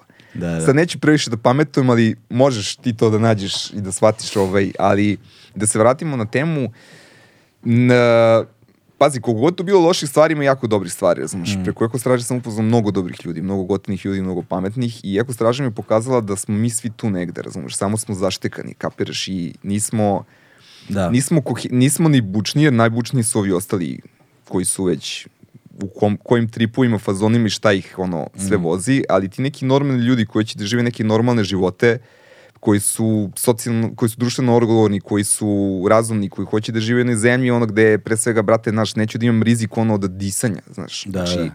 pa onih svih drugih društvenih problema koje imamo, koje, koje stvarno jedna normalna osoba stvarno želi sebi da ima za okruženje, ima nas dosta. I na neki način smo se povezali i ovaj, to se vidi na protestima našim, jer tebi dođe, ne znam, ono, ima neki poseban vibe, to razumeš, ono, to su porodice s malim decom u kolicima, to je neka pozitivna energija, razumeš, nešto, nešto drugo, razumeš, ono, to nije neka besna masa koja hoće da uleti ono, u skupštinu da razvali, to je neko ko tu na neki način slavi život, razumeš, oni koji se pronalazi, razumeš, i meni dobijam te poruke posle protesta, brate, stvarno je bilo dobro, ono, znaš, ta neka energija koja se ostila, koja, je, koja je možda i najbitnija, jer mi na tim protestima u stvari pokazujemo koliko nas ima, znaš, mm. izlazimo sa tih mreža i ovaj, pokazujemo javnosti da nas je više od troje. Da, e, to je ono što je jedna od težih stavki svake online organizacije. Jedna stvar je dobiti lajkove i, i pratioce i šerenje, deljenje ovaj, sadržaja koje praviš, a druga stvar je pretočiti sve to u stvarnost, ono, odnosno na, naš, u, u konkretne ljude koji su se pojavili na konkretnom mestu. Tako je. Znaš, jer postoji nešto što se zove a, taj termin, ja volim taj termin, interpasivnost. Dakle, ko, to je složenica koja spaja dve reči interaktivnost jel te, i pasivnost. Tvoje kobanis. Nije, nije, nije, nije, nije, nije. U pitanju, ne u pitanju jedan teoretičar kulture Nemac koji je to skovao tamo sredinom 90. godina kroz nemački i berlinski teatar i koji se bavio zapravo tim, tim, tim problemom. To je, recimo, interpasivnost je ne, nešto što postoji u svakodnevnom životu. Znaš, kada se ispuni određena, određeno zadovoljstvo uh, cilja, a da se nikada nije uradila sama aktivnost. A, primjera radi. A, vidiš, a, kupiš neku sjajnu knjigu u, u knjižari, znaš, mm -hmm. i onda imaš to zadovoljstvo kupljene te knjige, staviš na policu i nikada više ne pročitaš. Pazi, to tačno znam koji osjećaj. Razumeš, taj, ta, razumeš, ili na primer, ili na primer... Trećine knjiga su mi takve Ili na primer odvratan si sam sebi i ugojio si se, ne znam šta, i onda odeš učlaniš se u teretanu i samo kom, taj, sam taj trenutak plaćanja ali dobiješ člansku kartu i nikad ne odeš u teretanu. I to mi je bilo E, to, ti, e, to je interpasivnost, znaš. E, a, društvene mreže su to podigle na jedan, ono, strah, strahovit nivo, gde zapravo ljudi kada kliknu, kada lajkuju, kada šeruju, kada komentarišu, kada izraze svoje nezadovoljstvo u prostor na društvenim mrežama, osete to vrstu zadovoljstva i kada treba zapravo da ustanu da se obuku, obuju i izdvoje konkretno vreme i žrtvuju određene obaveze i dođu na neko mesto da provedu neko vreme u nekakvom protestu, e tu e, tu, tu, tu aktivnost izostaje, znaš, i to je to. Pa, vidi, tu je recimo koren, nije koren, tu je čvor problema, mm. gordijski čvor koji mi trebamo da rešimo, zato što to je recimo priča koju imam i sa svim svojim prijateljima. Ja, brate, više od ovoga ne mogu, ja sam svoje dao, ali znaš, nije, do, nije dovoljno, nisi dao dovoljno, razumeš? Znači, ne. ne treba ti da budeš ja, da, da izgubiš, ne znam, ono, koliko vremena, da dnevno se zamajavaš, da se raspravljaš sa raznoraznim budalama, razumeš? Ali nije dovoljno da pošliš SMS na 30-30 da tu tvoj uh, društveni doprinos što se tiče zdravlja i menja društva da se tu zaustavi, razumeš, jer jednostavno nije dovoljno dobro, kapiraš, jer mi se konstantno bavimo tim posledicama, onim krajnim posledicama, znači budemo svesni tih dra dramatičnih stvari koji se dešavaju, mm. tek, znaš, kad se neko dete razboji, tu se svi pokrenu, evo, te, znaš, ono, i sportisti, ono, iskuplju se, znaš, i zašto ne možemo samo se vratimo ono tri koraka napred čoveče i ono da rešimo neke probleme da uopšte ne dođe do toga, znaš. Da. I tu ljudi nisu spremni zato što tu već ulaze u jedan poseban mindset da je to um, da je to neki teren koji nije pristupačan i koji je opasan za nas. Razumeš? Da, da.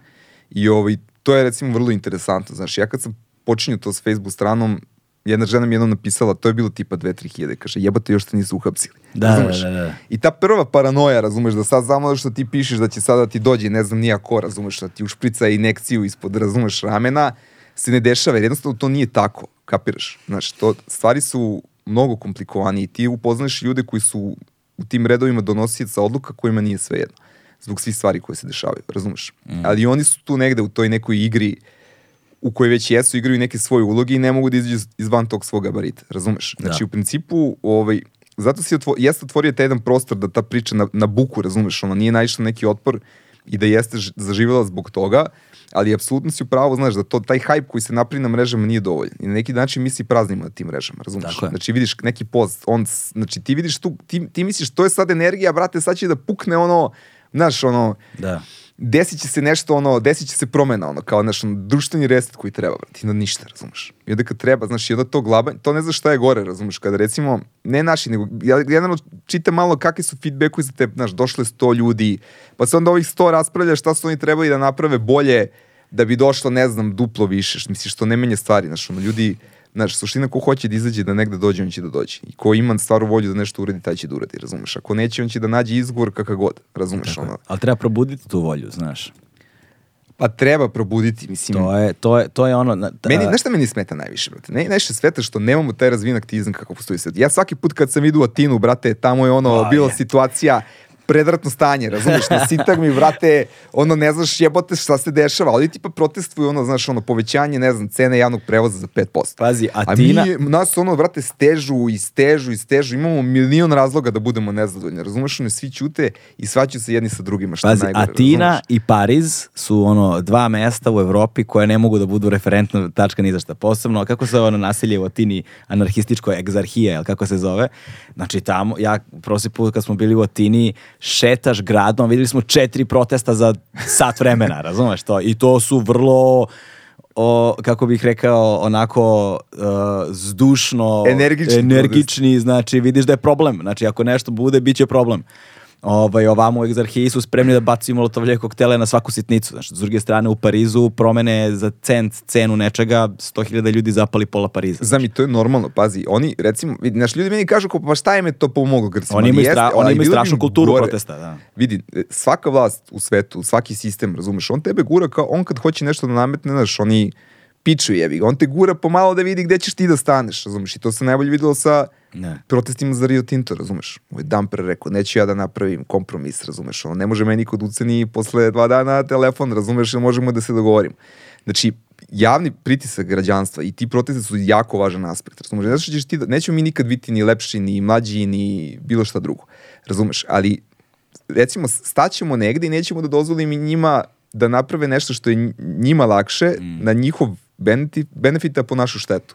Razumeš, i to imaš u svim aspektima, razumeš? Znači, brate, kod nas cena goriva sada dignu na 300 dinara, niko se neće pobuniti. Da. U Americi kada digne, ono, kad cena, ono, one gallon na pumpi ode, brate, za, za tipa 2 centa, oni uzmu jaja i gađaju one znake, razumeš? Da, Znaš, da. pokazuju nezadovoljstvo i tim njihovim donosiocima odluka, šta god oni misli na lokalu, nije lako, razumeš? Ono, mesto guvernera i to lako se gubi, razumeš? Znaš, možda sistem ti da ono opcije između dve budale, ono da glasaš kao za predsjednika Amerike, ali tipa na lokalu oni se kidaju, znaš, i taj, taj neki recimo moment njima poprilično kvari reputacija, on hoće da izađe ponovno izbore, znaš. U ovim našim sistemima gde sve zatvoreno, bukvalno narod možeš da jašeš i meni je to samo neverovatno, razumeš? Kada Da. dođe pitanje vazduha, znači, brate, vidi, 15.000 ljudi, 100 100.000 ljudi umre godišnje, svake godine. Uzmeš iz Zavoda za statistiku možeš da izvučeš. I izveštaj Evropske agencije kaže 15.000 ljudi umre od zagađenog vazduha. Znači svaki sedmi koji umro, umre zbog zagađenja. Znači ti imaš šansu do kraja svog života umreš kao što imaš da zavrtiš burat, pištolje da upiriš sebi i glavo da pucaš. I što ne gore ne sebi, nego svakom članu svoje porodice. Ti zavrtiš i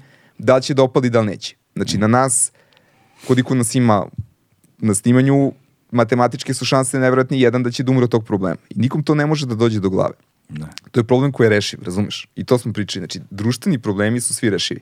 Znaš, nije to u Izraelu da treba pesak da pretvaraš u poljoprivredno zemljište, znači imaš sve To je problem, zagađenje da. da, ne vidi, zagađe, problem zagađenja da se reši samo treba da prestane, razumeš? Znači kada nema emisije nema zagađenja.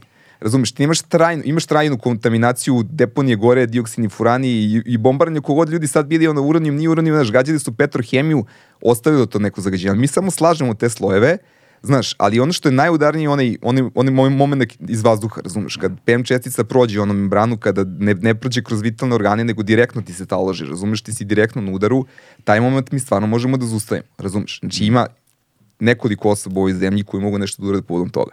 I oni nikad neće uraditi ništa dok se ne stvori kritična masa koja će da ih pogore. Razumeš? Da, da. Kao i za Rio Tinto, kao za sve ostalo. I što mi više budemo pasivniji, oni će jednostavno samo da taj problem kao i sa druge probleme puste, razumeš da svake zime bude zagađenje kako jeste, jer ako nemaš nekog ko se bori protiv toga, koji pravi buku oko toga, njima su otvorena vrata, razumeš? I na kraju je stvar financija, znaš, zašto bi on, znaš, on ima svoj budžet čovjek za stadion je, šta će on Da, da. sada, razumeš, rešava problem termoelektrana, brate, Rešava loženje na blato je. Da, ra- rešava- što bi se rešavao problem zagađenog vazduha. Tako je. E sad, a, Eko straža kada je počela da raste, ovaj, dakle, ja sam ono, zapratio sam jel te, organizaciju još negde u toj ranoj fazi, a, ti nisi dugo istupao javno. Dakle, bila je samo Eko straža, nije se znalo ko stoji iza nje. Dok nisu zapravo počeli prvi nekakvi napadi, pa si onda počeo da se braniš kao Bojan, tad sam vidio da se zoveš Bojan, na primjer, si pisao neke ogromne da statuse, statuse na Facebooku, si pisao objašnjavajući kako ti zapravo ne moraš ništa od ovoga da radiš, imaš svoj lagodan život. Ovaj, pa si onda te screenshotove sa Facebook statusa stavljao na storije ovaj, na Instagram. I, I tada je negde, i onda sam te video na nekom gostovanju, da li na N1 ili tako nešto, na primjer, sam video, ali nisam gledao na TV, nego sam video online snimak sam video, jel te, tog nekog gostovanja. Ovaj, I tu se dešava sad, deš, de, dešavaju dve stvari koje su mi fascinantne, znaš.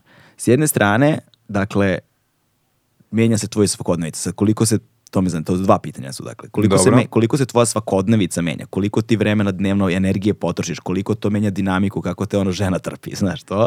Razumeš, koliko žrtve zapravo zahteva sve ovo, s jedne strane, a s druge strane, očekuješ pritisak, ne znam, da li će sad nekakve, ono, sad, da kažem, države, ovoga, onoga, da će sad da to budu nekakvi otpori ovoga i onoga, a zapravo nailaziš na teoretičare zavere. između ostalog. Na, da. na, između ostalog. Nailaziš na, ono, na, na, na situaciju u kojoj je neverovatno u što ljudi veruju. Za koju nema odgovora, brate. Za koju nema odgovora. Nema, ta, nema taktike, brate. Kako ćeš da sprečiš budale, znaš kao? Pazi, neke stvari ovako kad kažeš deluju, znaš, stvari onda se ja zabrinjam za sebe, da li sam ja normalan, ali ima sve svoj razlog. Pazi ovako, recimo, znaš, to objašnjavanje, um, to je vrlo planski urađeno, razumeš? Iz dva razloga. Pod šta, jedan, je plan, šta je planski urađeno? Pa, znaš, to, to recimo kad ja objašnjam ovde Bojan, pa to kao, znaš, ja nisam uzao par od Soroša, bla, bla, bla, bla, kad da. napišem ti dugački post, to ima dva razloga zašto se to radi. Verovi li ne, ti ljudima moraš da pričaš uopšte da bi te oni znali, jer kao što kažeš, on vidi samo ne, neku Facebook stranu, da li je to neka zelena agenda ili nije, znaš, ti moraš stalno da pričaš sa tim svojim stadom ovaca, razumeš? Da, da. Mislim, u pozitivnom smislu mislim, razumeš? Ti si pastir na neki način tu, razumeš, i ti sa njima pričaš, komuniciraš, izvlačiš iz njih. Da se to nije desilo, na prvi protest Eko straže nikad ne bi došlo 5000 ljudi. Brate, verujem ili ne, tad kreću stvari da se menjaju jer svi prepoznaju potencijal u tome, razumeš? Mm. Čak i ovi iz zeleno-levog bloka, bili su začuđeni da se toliko ljudi pojavilo za takvu neku temu i tada kreću stvari da se menjaju i tada dolazi do onog velikog protesta sa prvim protestom za bezopasan vazduh. Znači, pre toga od 1 od 5 miliona nije bilo nijednog velikog protesta sa razlogom, jer ljudi gube poverenje, razumeš? Više danas prosečan čovjek u Srbiji neće, brate, više da podrži ništa dok ne zna tačno šta je to, mm. razumeš? I ti moraš stalno da se objašnjavaš, da, da pričaš jednostavno i dolaze novi ljudi, to raste, koji ne znaju ko si ti šta si, razumeš, i ovaj, moraš, brate, da stvarno, da, moraš da dokažeš ti da to radiš iz neki poriver, stvarno želiš da rešiš pre svega svoj problem mm. i svog deteta i našeg celog društva, to je društveni problem broj jedan. I tu, verujem mi, uopšte nije lako uraditi, razumeš? Da. I mnogi su u početku, brate, blokira ih, znaš, nemoj da, razgo... da sam ja blokirao ljude i da nisam razgovarao sa svakim, razumeš, i pokušavao da se objasnim, to nikada ne bi poraslo do te mere. Mm. Jednostavno je tako. Mi živimo u takvoj, ovaj, u takvom okruženju da su ljudi jednostavno izgubili bukvalno svaku veru u bilo koga ko nešto pokuša društveno da uradi, jer misle da on to radi iz nekog razloga da on u jednom trenutku sve te ljude prevari i uradi već nešto, šta god, mm. razumeš. A drugi razlog što je jedna moja drugarica Kristina lepo rekla, kaže, to je stalno neka drama, znaš, ti si kuh sa punici, znaš, onda ljudi tako vole da prate, razumeš, jer se sažive, razumeš, ljudima je potreban živ čovek sa živim problemima da bi mogli da se sažive sa tim problemom. Jer ako to ne uradiš ti onda samo nabacuješ statistiku ili nabacuješ neke ono clickbaitove da će svi samo emotivno da se isprazne, razumeš, ono, da se nekom kako da se kulturno izrazim, na svega, da. ovaj, jednostavno se isprazne tako, razumeš, ono sa najsočnijim psovkama i tu se završi to njihovo pražnjenje i to je perpetuum mobilno. Idemo sledeći dan do sledećeg društvenog dešavanja mm. da je neko nešto loše uradio i mi svi komentarišemo i tako dalje.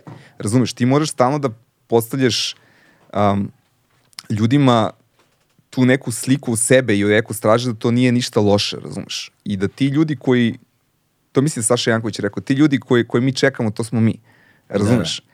I meni nije lako, brate, ja sam ostao sa mnogo mana, razumeš? Znači, ja se nikad nisam spremao za ovo, ja sam imao društvene puteve, znači, niko me nije klesao da budem neko lice koje će biti ispred neke organizacije. Jednostavno to se desilo i mnoge stvari sam usput učio i mnoge greške i dalje pravim i dalje se ne ponašam adekvatno, mogu tako slobodno da kažem, da, da. razumeš? I jednostavno sam shvatio da ovaj, krivo mi je što je tako, neka bi volio da ja da sam drugačiji, razumeš, i da se drugačije ponašam, ali znaš kako, na kraju ne možeš biti svačije šolja čaja. Da. I ti moraš da skupiš tu neku ekipu koja tebe kapira, koja kapira tu priču po isto veći si i može da bude deo tog nekog pokreta što je ko straži. Jednostavno je tako, znaš. Ja sam imao veliku želju da u početku to bude ono jedan od šest i po, jedan od sedam miliona, razumeš, Da, da, da. svi mi protiv zagađenog vazduha. Onda skontaš, brate, da su ljudi ono različitih mindsetova koji ne samo da ne mogu da shvate taj problem, nego misli da ti njemu hoćeš loše, razumeš. I još jedan problem sa zagađenim vazduhom što se niko nije bavio s tom temom zato što direktno ulaziš, moraš da uđeš u klinč sa svima, razumeš. Jer svaki, ako nećeš da budeš populista, jer ja nisam, ja ja seckam do detalja i analiziram svaki segment, tu, tu multislojnost, svaki sloj pokušam različito da, da izvučem i da njega analiziram zašto imamo ovakvo zagađenje. I kada radiš tako ti moraš da imaš neprijatelje, razumeš? Jer ti šta god uvodiš, pazi, evo ti energetika, razumeš? Ha, hoće da digne cenu hoće da nam digne cenu struje, pa dobro iz uglja, razumeš, ako hoćeš čisto, to će da košta tri puta više, hoćeš da mi račun bude, ne, ja neću da ti račun bude 12.000 dinara, ja samo pričam zašto je zagađenje tako, razumeš, šta ga prouzrokuje, ljudi koji pale njive, ili koji pale kablove, razumeš, ili deponije koje gore, ti svaki od tih Pale problema... automobilske gume, to je mi Tako je. ludilo. E, to moram ti ispričam i tu ćeš shvatiti celu, ceo paradoks ovoga. Svako, e, za svaki Božić praksa u Vojvodini u mnogim selima, ne svim, jeste da se iznesu gume i da se zapale umesto banjaka. Razumeš? E sad, znači Kako li to, je nastala ta praksa? ne znam, je- brate, znači bukvalno ne znam. Bojim Kako se li- samo da nisu ovi moji krajišnici nešto smislili kada su došli u, u kulturnu Vojvodinu, ali vidi, ne, nemam pojma ni kad je krenulo, razumeš? Ne. Ja nisam znao za taj problem dok nisam skonto otprilike šta se dešava. Dok mi ljudi nisu slali te gume na početku eko straže za, za svaki božić, ono da gore masovno gume, razumeš? A guma u sebi ima toliko kancerogenih materije, najopasnijih, razumeš? Da je to nešto frapantno. I pazi ovaj, stigne klip za Božić, neka devojka išla do Delibatske peščare i snimila onako uspud da na svakih 50 metara ima po jedna guma, razumeš? I taj klip ima 600.000 pregleda, znači baš je buknuo. I znaš, ljudi se naravno prazne ono svi, znaš, ono vređaju malo te ljude tamo, neko je pravu, neko nije, neko preteruje. Međutim, dešava se fascinantna stvar da sutradan dolazi celo selo na Facebook, brate. I ono, bukvalno nam ono, sve po spisku, razumeš? Stvarno? Pa da, ono kao, šta tebe zabole šta ja radim u selo, kao vidi ti kao, znaš, kokoško, vrati se tamo u tvoj Beograd, razumeš, tu si našla, razumeš, kaže, šta tebe briga, to je moja stvar. Kaže, šta ti imaš ti, šta ja radim, znaš, kao čovječe, bre, deca su ti pored toga, razumeš, i ne kažem ništa da neko treba da te kazni, samo pričam čovječe da, razumeš, ono, razbolećeš se, Razbolećeš se čoveče, tamo iza su ti njive, razumeš, pa će ti dioksini furani da padnu dole, pa ćeš na kalenić da doneseš to, pa ćemo svi da jedemo, razumeš? Da. Znači ja pričam o socijalnoj mali, ne, ne da bi tebe ugrozio. Ja jedino što mogu da te ugrozim jeste da ti izbacim iz tvoje zone komfora da mora da promeniš naviku, razumeš? Da. Ali pazi, te, te uvrede koje ti posle doživljavaš i ti ljudi koji se saosećaju sa njima, znaš, to je ono tipa 40 lajkova, razumeš, da on nam objasni smo mi Beograđano razmaženi, da idemo svima da držimo predavanje kako treba da se ponašaju i kao da njih na neki način šejmujemo, razumeš? Da.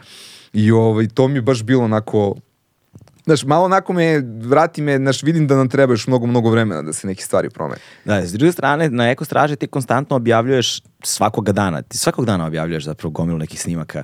Pa ovaj, šalju ljudi, Koji ti brate. šalju ljudi. Da, I ja sad- proberem, brate, to moraš da znaš. Dakle, da, Znaš stvarno. koliko toga stiže, brate. Da. Da, znači Koliko ono, tebi snimaka dnevno stigne tako nekih? Vidi, meni dnevno stiže do 500 poruka. Wow. Razumeš? E sad, I to ti sve nije čitaš stalno, Jel ti neko pomaže ne, ne, pomaže mi žena na Instagramu, ne, imam, imam po jednog pomoćnog administratora za svaku mrežu, razumeš, ali nekad zbog brzine informacije, tipa, znaš, to kad je amonijak, nemaš posle dva dana da pošalješ, kad je nešto stvarno ono aktuelno, hoćeš da ga baciš na mreže, jer, pazi, Eko Straža je jedini, jedini portal koji obaveštava javnost o aktuelnim akcidentima. Evo, ti možda nisi to skonto. Znači, mi pre vesti izbacimo nešto i dok no, novinari recimo kupe sa naše Twitter strane, razumeš? Znači, često vidjet ćeš portale, pogledaj, vidjet ćeš da je skinuto Da. sa Eko Straži. I onda moraš da budeš, naš brz da bi obavestio javnost. Naprimjer, kad je bio požar u Vinču, onaj veliki, Da. ovaj, mi smo bukvalno izgurali temu, nikad javnost ne bi znala da je gorelo, razumeš. Batut je pravi, oni su planirali da ne obaveste javnost, razumeš. I onda kad su morali da izađu kao, pa to su PM10 čestice, koncentracije su pale, ti mi što oni rekli ljudima su dve da su dve nedelje disali dioksini i furan u gradu 2 miliona stanika, da bukvalno vetar nosi sve na grad, znaš. Da. I ljudi prvenstveno prate eko stražu ne zbog bojena toga, nego da dobiju informaciju, znaš. Kad se nešto desi, ono kao, imam portal koji me obaveštava o tome. To je jedan perk, u stvari, zašto ono je sama stranica praćena i zašto je dobro za nekoga da prati. Ko čak i mene ne podnosi organ, ima tih ljudi, razumeš on. Znači ono, unfollow, me posle followuju ponovo, jer znaju, razumeš, ako se nešto dešava da će tu da saznaju. Što Da. je vezano za ove, znaš, da, za, za, za neki problem za životnu sredinu akutni. Da. Tako da ovaj, dosta ljudi prati, prati iz tog razloga I ovaj... A s ne- druge, a s druge strane, uh, Stigne 500, da, brate. Znači, tako kad su to, kad se nešto desi, razumiješ. Tipa, evo gume u Zemunu, brate, znači, 40 ljudi mi poslalo isti, malte ne isti snimak iz drugih uglova, no mogu da napravim rekonstrukciju, brate, forenziku mogu da se bavim, razumiješ? Da, da, da, da. Ali reci mi, a, a privatan život koliko trpi zbog svega toga? Koliko ti vremena dnevno provodiš ono na stranici? Koliki ti je screen time svakog ponedeljka ono, na, na telefonu? E, pazi, nije uvek isti, razumiješ? Da, da. Ima dana kad sam samo po sat vremena tu, razumiješ? Ima dana kad recimo ne otvorim, znaš, kad mi se nešto dešava. Problem jeste što ne mogu napraviti taj neki kontinuitet. Problem je što su dešavanja različite, razumiješ? Da. Jer nekad ti ako straža pojede 8 do 10 sati, razumiješ? Ima dana, kapiraš, Da. a nekad ne provedeš tu. Ali nema te dinamike. Problem je što ja ne mogu da napravim sebi tipa od 4 do 8 ću da otvaram, kao pa posle neću, razumeš? Jer u drugim delovima ne možeš 20 sati da, da pročitaš neku poruku ako je nešto aktuelno, a ti bi to na neki način trebao da pokriješ. Znaš, Da, da. i ne možeš da budeš nedostupan. Ono, novinari te zovu i ono u 10 uveče i u 7 ujutru, razumeš, da... Jer moraš da imaš i taj medijski prezans, ono, ja stvarno ne odbijam. Ja sam ti osoba, brate, za pokrivalice u 6 ujutru, brate. Da, Svi me da. zovu, ono, znaš, ono, tipa ovi prime aktivisti dobiju, ono, kod Olje Bečković ili 4 sata, ono, termin neki udarni, brate, u 6 ujutru, ono, stavljaju, razumeš. da, da, da. Ali ovaj, koristim to zato što, ono, Znaš, kad nema protesta, kad nema ništa, ono, ljudi ne, ispadne neko straži iz fokusa, ono. E, to je sad druga stvar koja je, ali nisi mi rekao koliko ti privatni život trpi. Koliko ti se to promenilo, dinamika pazi- svakodnevnog života. Um, dobro, na, Klin, klinci, žena. Pa promenilo se, ali vidi, znaš šta, ima, jeste na neki način i loše, ali na neki način i dobro. Jel te prepoznaju ono, ljudi na ulici? Prepoznaju me, brate, da. Znači, dešava mi se svašta, brate. Došao sam, ono, uđem u neku ekipu, znaš, ono, čovjek, samo da se pozdravim sa to. Jer vidi, ja recimo imam takav osjećaj na mrežama, brate, da će neko da me linčuju kada me vidi u gradu. Razumeš? da, da. Ono, sa onim hejtom i onim, onom energijom, kao, zašto ti sad mene ubeđuješ u nešto ili šta već. Međutim, situacija je drugačija, brate, priđu mi ljudi kao, ono, ja pratim, znaš, nikad ti se ne javljam tamo, kao, znaš, gura i to. I op- to je ono što si kažu, brate, samo nemoj da odustaneš, kao, ovo je, ovo je najvažnija tema, nema odustajanja. Nisu svi skontali da tu nema nazad, razumeš? Ja sam skonto da je problem toliko veliki, toliko bitan i neki ljudi koji stvarno imaju neki problem tipa s bolesnim detetom i to, razumeš, kad ti napišu, brate, znaš, ono, tipa te stvari se nisu znale, toliko toga si promenio da se javna svest oko ovih problema menja, znaš, nemoj da odustaješ, šta god, samo ono, Da. guraj pa kako god. Tako da svi smo svesni toga, evi kako stra, promenila mi život, razumeš, na, nije na gore. Znaš, Da. nije, ne mogu kažem na gore. Promenila, brate, nešto smo strava naprijed, razumeš, no ta euforija, ne, ja ne mogu da ti objasnim taj osjećaj, pazi, ako god sam introvertan, kad sam stao na tom najvećem protestu je bilo 20-30 hiljada ljudi, razumeš, ti se popneš na nekom i kao, ajmo, idemo, znaš, brate, vidiš onaj, onu energiju ljudi kao rock zvezda, razumeš ono. Mm. Da, da. Znaš, pogotovo uz dobru muse koju ja ti volimo, znaš, kad, Da, da. kad boostujemo to, znaš, ono, ljudi stvarno, vidiš da su se ono povezali na neki način i to je nešto što, to iskustvo, razumeš, je, moraš da ga doživiš i nikad ga ne bi doživeo da nije bilo eko straže. Navikavamo da živimo s tim, da se organizujemo, da to ne trpi. Vidi, posle trpi u suštini, razumeš? Jer Da. ti, št- moraš, ti, ti stalno moraš da kompenzuješ nešto, znaš. I to je to. To me malo zamara me to dubljenje, znaš, što ne mogu da uđem u tu neku rutinu, nego stalno neko snalaženje i iznalaženje vremena, stalno nešto positno trpi. Znaš, nije to bitno, ali recimo ne odem dva dana na trening. Jer jednostavno, Da. znaš, na sebi pravim kompromise na tako nekim stvarima. odvojaš iz usta. To je problem. E sad, tu je, tu je ono uh, sa čime zapravo se i računa negde. S jedne strane, sad da bi ta stvar mogla da raste, da bi ta stvar mogla da postane održiva, da bi ta stvar mogla da dobije, da uhvati zamajac i da počne da kreira kritičnu masu koja eventualno može da dovede do nekakve promene, neophodan je novac. Mislim, prosto, sad da, ako, da, da bi ti mogao da povratiš svoj, da bi mogao sutra da odeš na trening, da bi mogao da odradiš svoj posao normalno. Što ti ja znam, potrebno je da se delegira posao nekim ljudima koji će da rade, ti ljudi moraju da dobiju nekakve plate, što ti ja znam.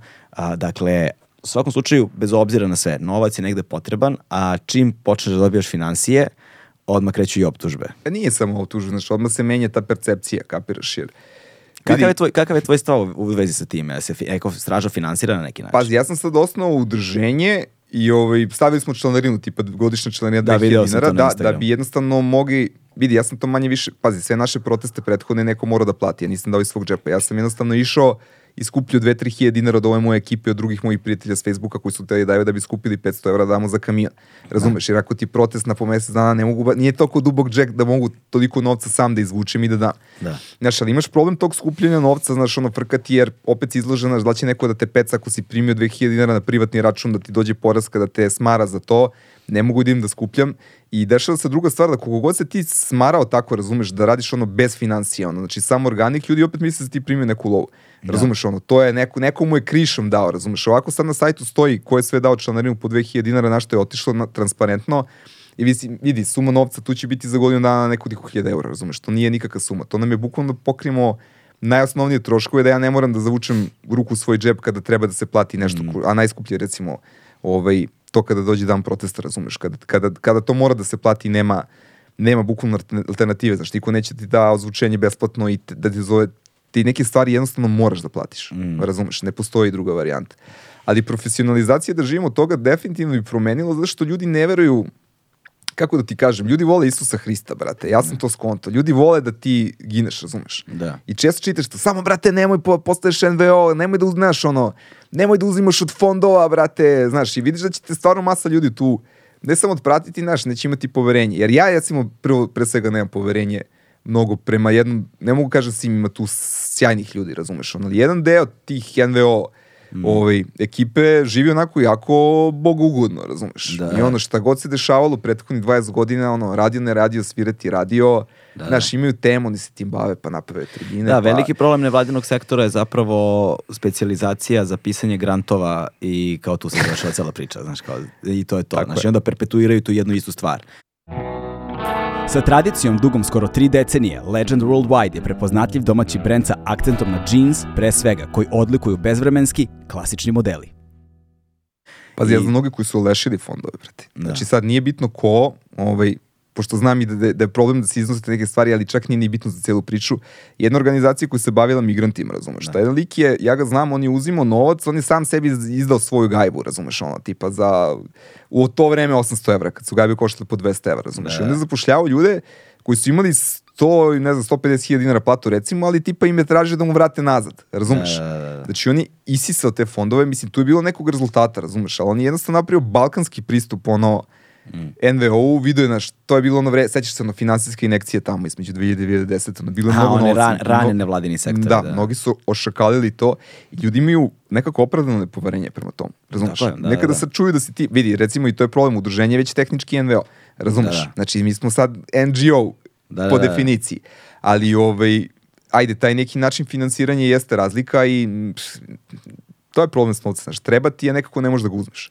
Znaš, A, e, da. to, to e sad, i... znaš, jedini način je da neki način, jedini način je da nekako budeš transparentan, ovaj, pa da se nadaš, ali opet mislim da rezultati ipak govore najviše. Znaš, glasniji su od kritike u tom konkretnom slučaju. Pazi, transparentnost je najbitnija, ali recimo, ajde misli ovako, uplatiti neko preduzeće, razumeš, neki tamo DEO, tipa, ne znam, mm. 10.000 evra, razumeš, onda će svi pitaju, dobro, sad, znaš, ko je sad, šta tu stoji iza, razumeš, da ni on nije uplatio, razumeš, da može da uradi ili neki greenwashing ili da, razumeš, ima nek, neki razlog, razumeš, ono, Pera i Đura i Marko koji ste dali članarinu dva soma dinara, tu nema, da. nema agenda, razumeš, niko ne može da kupi za te pare. Da. Tako da ovaj sistem koji, sam, koji smo sad napravili će da fura do nečeg i ja sam stvarno ne opterećujem, brate. Znači, mm. ja koliko ima para u kasi, toliko ću da potrošim na, na neke projektiće koje imamo i hoćemo da kupimo neke, hoćemo nešto da uradimo stvarno da, na, da napravi neku mikropromenu koja se neće videti u tom kumulativnom čestičnom zagađenju, ali možda može da pomogne nekim ljudima.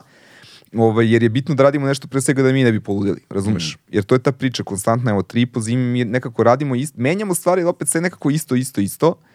I ovaj, ne znam, kažem ti, zaglavili smo, razumeš? Da, da. I ovaj, ja nešto pokušam, koliko će to imati uspeha, neće, Arte, nije mi ni bitno, razumeš, ono, me, mo, moja savjest je ono čista, razumeš, ja stvarno znam da sam ja dao sve od sebe, ja sam iskori, iskoračao koliko sam mogao, razumeš, da, ja bih da. volao da se skupi 50.000 ljudi koji neće da gleda, koji nije došao tu zbog boje neko straže, nego zbog problema zagađenog vazduha i da mm. ugazimo ove donosice odluka, brate, da stvarno onda im kažemo, vi, mi vas plaćamo, razumeš, vi morate nas da slušate, ali jednostavno taj moment nije zaživao i, znaš, ja sam se tu dosta nervirao, razumeš, kod tog osipanja, razumeš, i to kad krene bušenje, razumeš, ono, za, zašto, zbog čega neke banalne stvari, neki banalni razlozi budu da se ljudi povuku ono, u svoj komfor i izgovori koji imaju, ali na kraju shvatiš da stvarno ne možeš da utičeš na to. Da, znaš. a s druge strane, ono što je možda najviše poražavajuće u svemu tome jeste a, kada krenu krenu, kada krene ta vrsta napada. Znaš, sada to je nova vlast ono naučila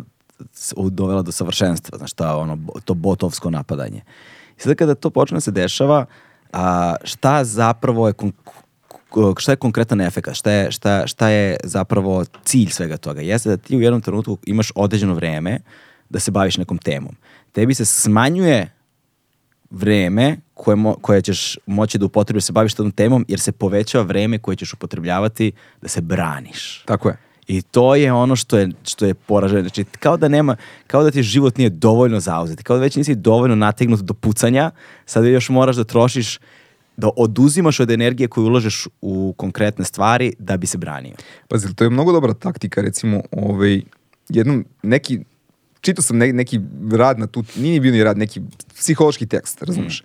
Što se duže osoba brani, to više deluje kriva. Da, razumeš? da, da, da. Jer ti ako uđeš u tu, pa ne ljudi, ja nisam stvarno, ne, ni, ni, nis- ja nisam bio tad. Ti kažeš, to ne, ne, ja ljudi, ja nisam, on tebe vidi kao na nekog ko je ugrožen, ko se brani, znaš, onda kao zašto se ovaj brani i on jednostavno stvori sliku o tebi kao tog što se brani od toga i kao jebote, ovaj kriv, razumeš? A s druge strane, ako se ne braniš, sahrane te odmah. Tako je, znaš, i to je odlična taktika, razumeš, i to oni rade, mislim, to smo pričali ja i ti, razumeš, Da. ti sad re- recimo ne možeš da imaš sa njima neku normalnu debatu, jer to neće biti nadmetanje, razumeš, moji stavovi pa tvoji pa će neko da zaključi, nego će onda izvadi papire, razumeš. Da. Na primjer, evo, ovo, ti je naš ono astrofizičar, ona je radila za NASA, oni su lažirali, razumeš, sletanje na mesec, i onda će onda da krenu da je, znaš, pa ne, ljudi, ja nisam tamo, A uopšte Tija- neće Tijana pričati- Prodanović, ne da, da. Tijana, Pozdrav, Tijana. pozdrav za Tijanu veliki. Naravno, ja ja pratim ono njoj svaka čast, razumeš, i Ona ovaj, je, na, ona je na prvoj liniji fronta borbe Ona je- protiv tih ludaka. Da, on, ali ona je kako treba, brate. Znači, ona napravi ono mikro ogled, snimi ga i pokaže, razumeš, što je Mm. zbog toga. Ona je tako ima argumente, razumeš. A druga strana će da buši na neočekivanim mestima, a neko ko nije baš onako kritički nastrojen, kada bude gledao taj duel, on će kaže, ja, vidi ga on, razumeš, kako je on,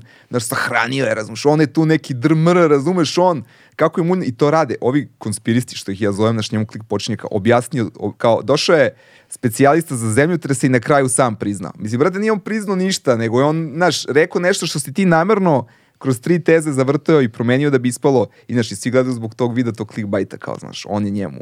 Da, on da. je doktor nauka, dokazao stvari da on nema pojma. Jao, taj mehanizam, ono, na društvenim mrežama, ti algoritmi prokleti, dakle, ono, glave će nam doći ako već nisu, samo nismo svesni toga, na neki način. Vidi, ali aktivizmu su došli, mislim, to je definitivno. Da. Znaš, to se ti priče. Ja, ja najviše, u stvari, mene to u normalnom životu ne dotiče. Ja za sve, sve teorije zavere znam jako dugo, razumeš, i chemtrails, i rana zemlja, znaš. Ali kad ti shvatiš da se tebi osipa ono masa, razumeš, i pažnje te mase, ne zato što ljudi počinju da veruju to, nego zato što toliko ima te bele buke, toliko se svi zasipa informacijama, ljudi, brate, znaš, ono, ne mogu da razmišljam da li ima toga, idem da se bavim nečim drugim. Ljudi su prestali da prate tu temu zagađenja konkretno razumeš, zato što su počeli da izlaze ljudi ono, tipa bivši direktor jata, znaš, ono, NATO nas zasipa noću kao bojnim otrovima, razumeš, i to su pogotovo popularne Čekaj, priče. to je, to, je, to je stvarno rečeno. Kako ne, brate? Imaš, evo, neću da reklamiram, ali imaš, nađi bivši direktor Jata, brate, ima tipa skoro milion pregleda klip, razumeš? On ima veću, veću gledanost, ima njegov klip nego svi moji klipovi on ikad okačeni, razumeš, tipa na YouTube. Razumeš, jer on iznosi neku istinu, razumeš, to je pompezno najavljeno i on kaže kako crno zagađenje iz termoelektrana, individualnih ložišta, razumeš, to su sve gluposti, kao, razumeš, ono, pravi razlog je ono, zasipanje iz aviona ono noću, razumeš, to je, znaš, mora da ima taj, taj deo te tajne, da se to radi kao skriveno, razumeš, da javnost ne zna i onda tipa, on, znaš, od tipa, pir, ne znam, ono, atlantiđanskih, ono, Da. atlantiđanske tehnologije, svemirskih letelica, razumeš, ono, sve tu zbrčkano, ali njemu daje kredibilitet jer je on čovjek bio na mesec dana kao neki, ono, vede kao u jatu i ne znam, on ima neku knjigu mašinskog fakulteta, ono, harpu, razumeš.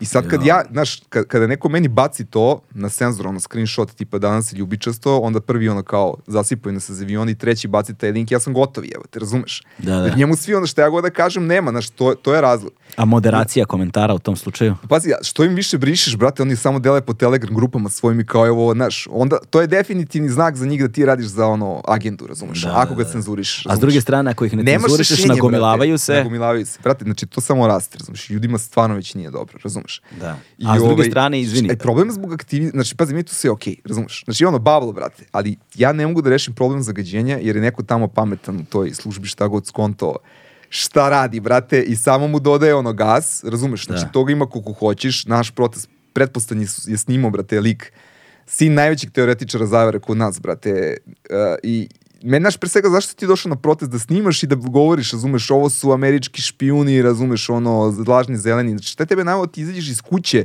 da dođeš tamo i da napraviš live, brate, razumeš? Da. Znaš, znači, meni, ja ne mogu da tvrdim ništa, ali, znaš, Sumnjivo moja hipoteza je da je to sve u tom sistemu da se to namerno tako razvodnji, razumeš, što je najgore uspešno ime, razumeš. Jer ljudi stvarno, znaš, on ne, ne, ne veruju čak ni svi u to, nego jednostavno ga sad opterećuje da se bavi analitikom, razumeš, da li je zagađenje od ozgo ili iz termoelektrana, daj da kupim ono Xiaomi-a, prečišivač u svoju kuću, brate, i da živim svoj život i to je to, razumeš. Otpratio sam ono mentalno. Da, pa da, to je, to je da, to krpljenje zapravo problema i ne, ne, ne rešavanje njega s jedne strane, ali, znaš, s druge strane, nekako stičeš utisak, ovi koji ostavljaju komentare se povećavaju, a oni koji bi trebalo da ostavljaju komentare se povlače. Tako je. Pristojan svet se povukao sa društvenih mreža. Odnosno, prisutni su, ali ne komentarišu ništa. Pazi, što je veliki problem, razumeš? Znači, ja imam objektivan problem, brate, znaš, kao ti si aktivista, evo ti ga profesor sa mašinskog fakulteta, ko si ti da njemu prkosiš, razumeš? Znači, je. zato je gotim Tijena, jer Tijena je izašli ste iz zone komfora, razumeš, ono, i stvarno se trudi Mm. da na pravi način iskomunicira i to je ono što nam je ekstremno potrebno, Da. razumeš? Znači, to ova druga strana, brate, je tiha i znam ono kao, znaš, neće da se, raz, znaš, ono kao, znaš, pametni popušta, brate. Ne, brate, znaš, ono, ovi nepametni dominiraju, razumeš, zato što su pametni popustili, kapiraš? Mislim, ono, Umberto je rekao je odličnu stvar, mislim, ja taj citat stalno provlačim, razumeš, kaže, znaš, ono, tipa pre interneta, u doba, ono, znaš, kad je, kad je to tek zaživljavalo, znaš, ti si, ljudi su pričali u kafani, znaš, ono, tipa, i tek posle dva pića su krenuli da pričaju nekak budalaštine, razumeš, tada svaki idiot, brat, ima medijski, ima prostor na internetu, društvenim mrežama kao i Nobelovac, razumeš, i kaže, to je jedna totalna invaz idiota, Da. kapiraš? Mislim, nisu oni svi, slušaj, to ima ljudi koji stvarno su mnogo pametni, razumeš, samo ono nisu, nisu kritički, ovaj, nisu kritički dovoljno uh, intuitivni da, da razumeju neke stvari, ima mnogo ljudi, recimo, to sam gledao skoro statistike među ravnozemljašima, tipa, pazi, samo 66% valjda u jednoj anketi ljudi veruju da je zemlja okrugla.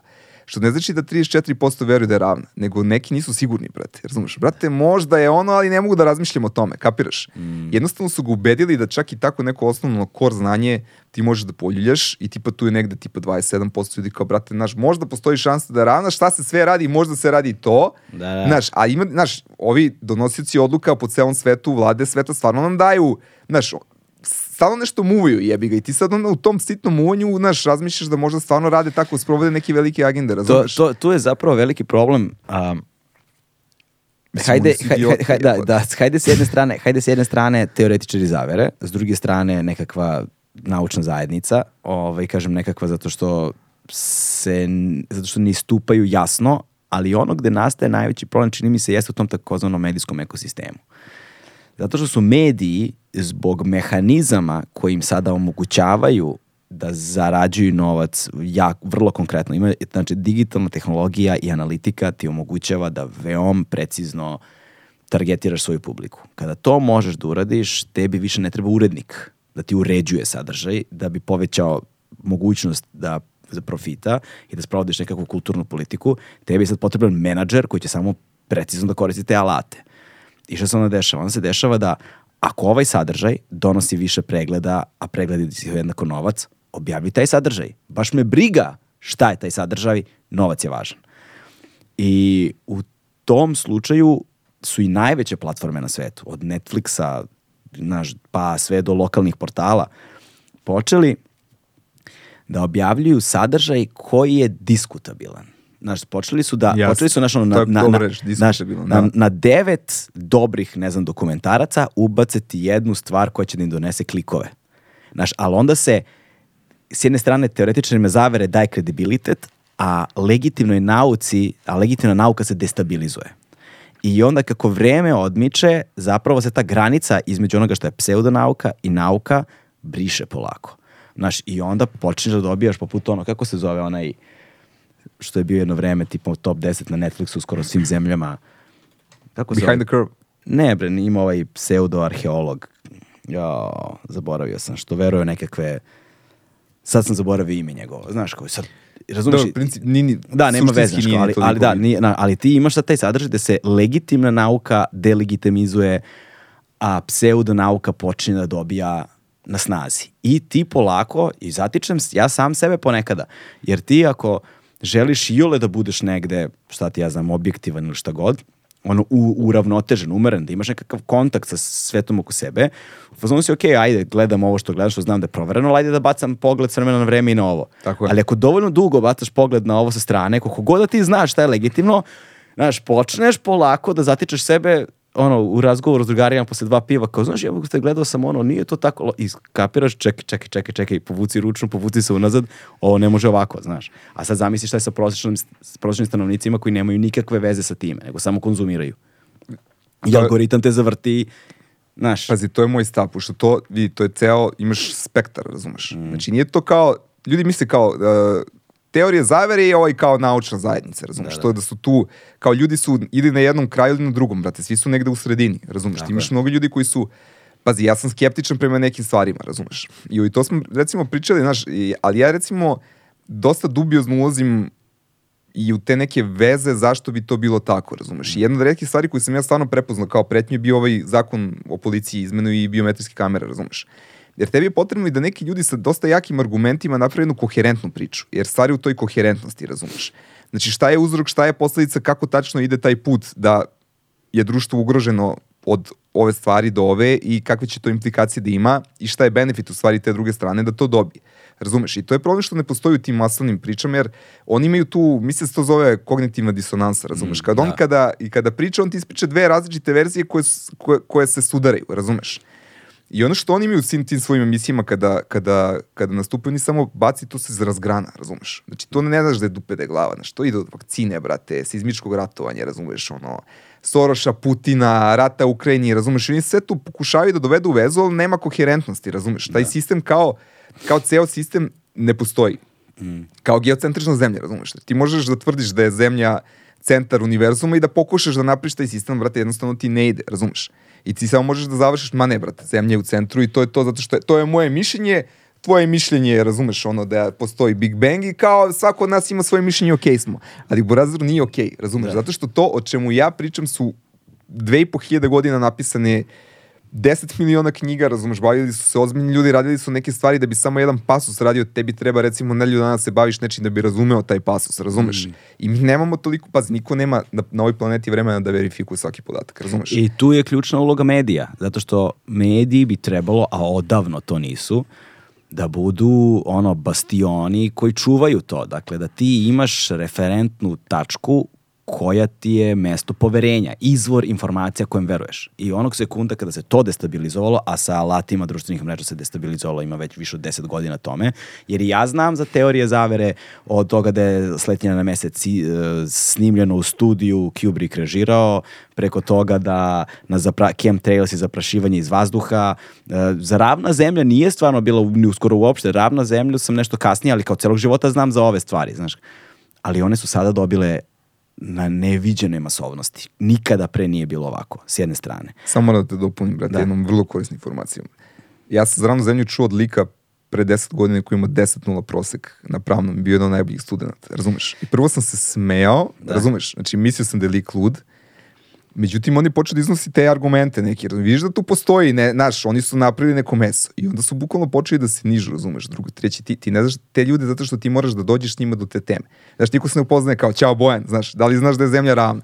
Nego ti kroz neku konverzaciju izvučeš. Ali ono što se vidi na neko straži, kada nešto malo začačkam, brate, tipa, to je ono eksplozija komentara, unfollowa Da, i da. pretnje, razumeš? Jer masovno ljudi imaju te stave koje mi nismo kako da kažem, nismo prepoznali u nekoj random komunikaciji koji i dalje postoje, razumeš? Znači ti tek kad provedeš ono sad, dva, kad neko, a obično ni načinu tu temu, valjda da te opipaju ono da li si tu ili nisi, znaš, i onda možeš da razvučeš to, ali oni, kako da ti kažem, um, znaš, nije to neka prva stvar koju ti izneseš, ali ravna zemlja, znači kod nas, u našoj zemlji već postoji dugo vreme. Pri, u principu, znaš, kako je počeo pristup YouTube-u, Da. pošto YouTube je ono izvor, izvor svih dezinformacija ono koji postoji, razumeš, ono kaže, radio sam svoj research kao istraživanje, ono, googlao sam, razumeš, izašlo mi, algoritam će ti izbaci prvi video, vrate, onaj, znaš, Ljudi ne razumeju, algoritam ima samo jedan zadatak. Jel te ta tema zanima i zbog nje ćeš više da gledaš u ekran, izvoli te teme. Nije bitno koje su teme. Znači, nema, al- algoritam nije ni dobar ni loš.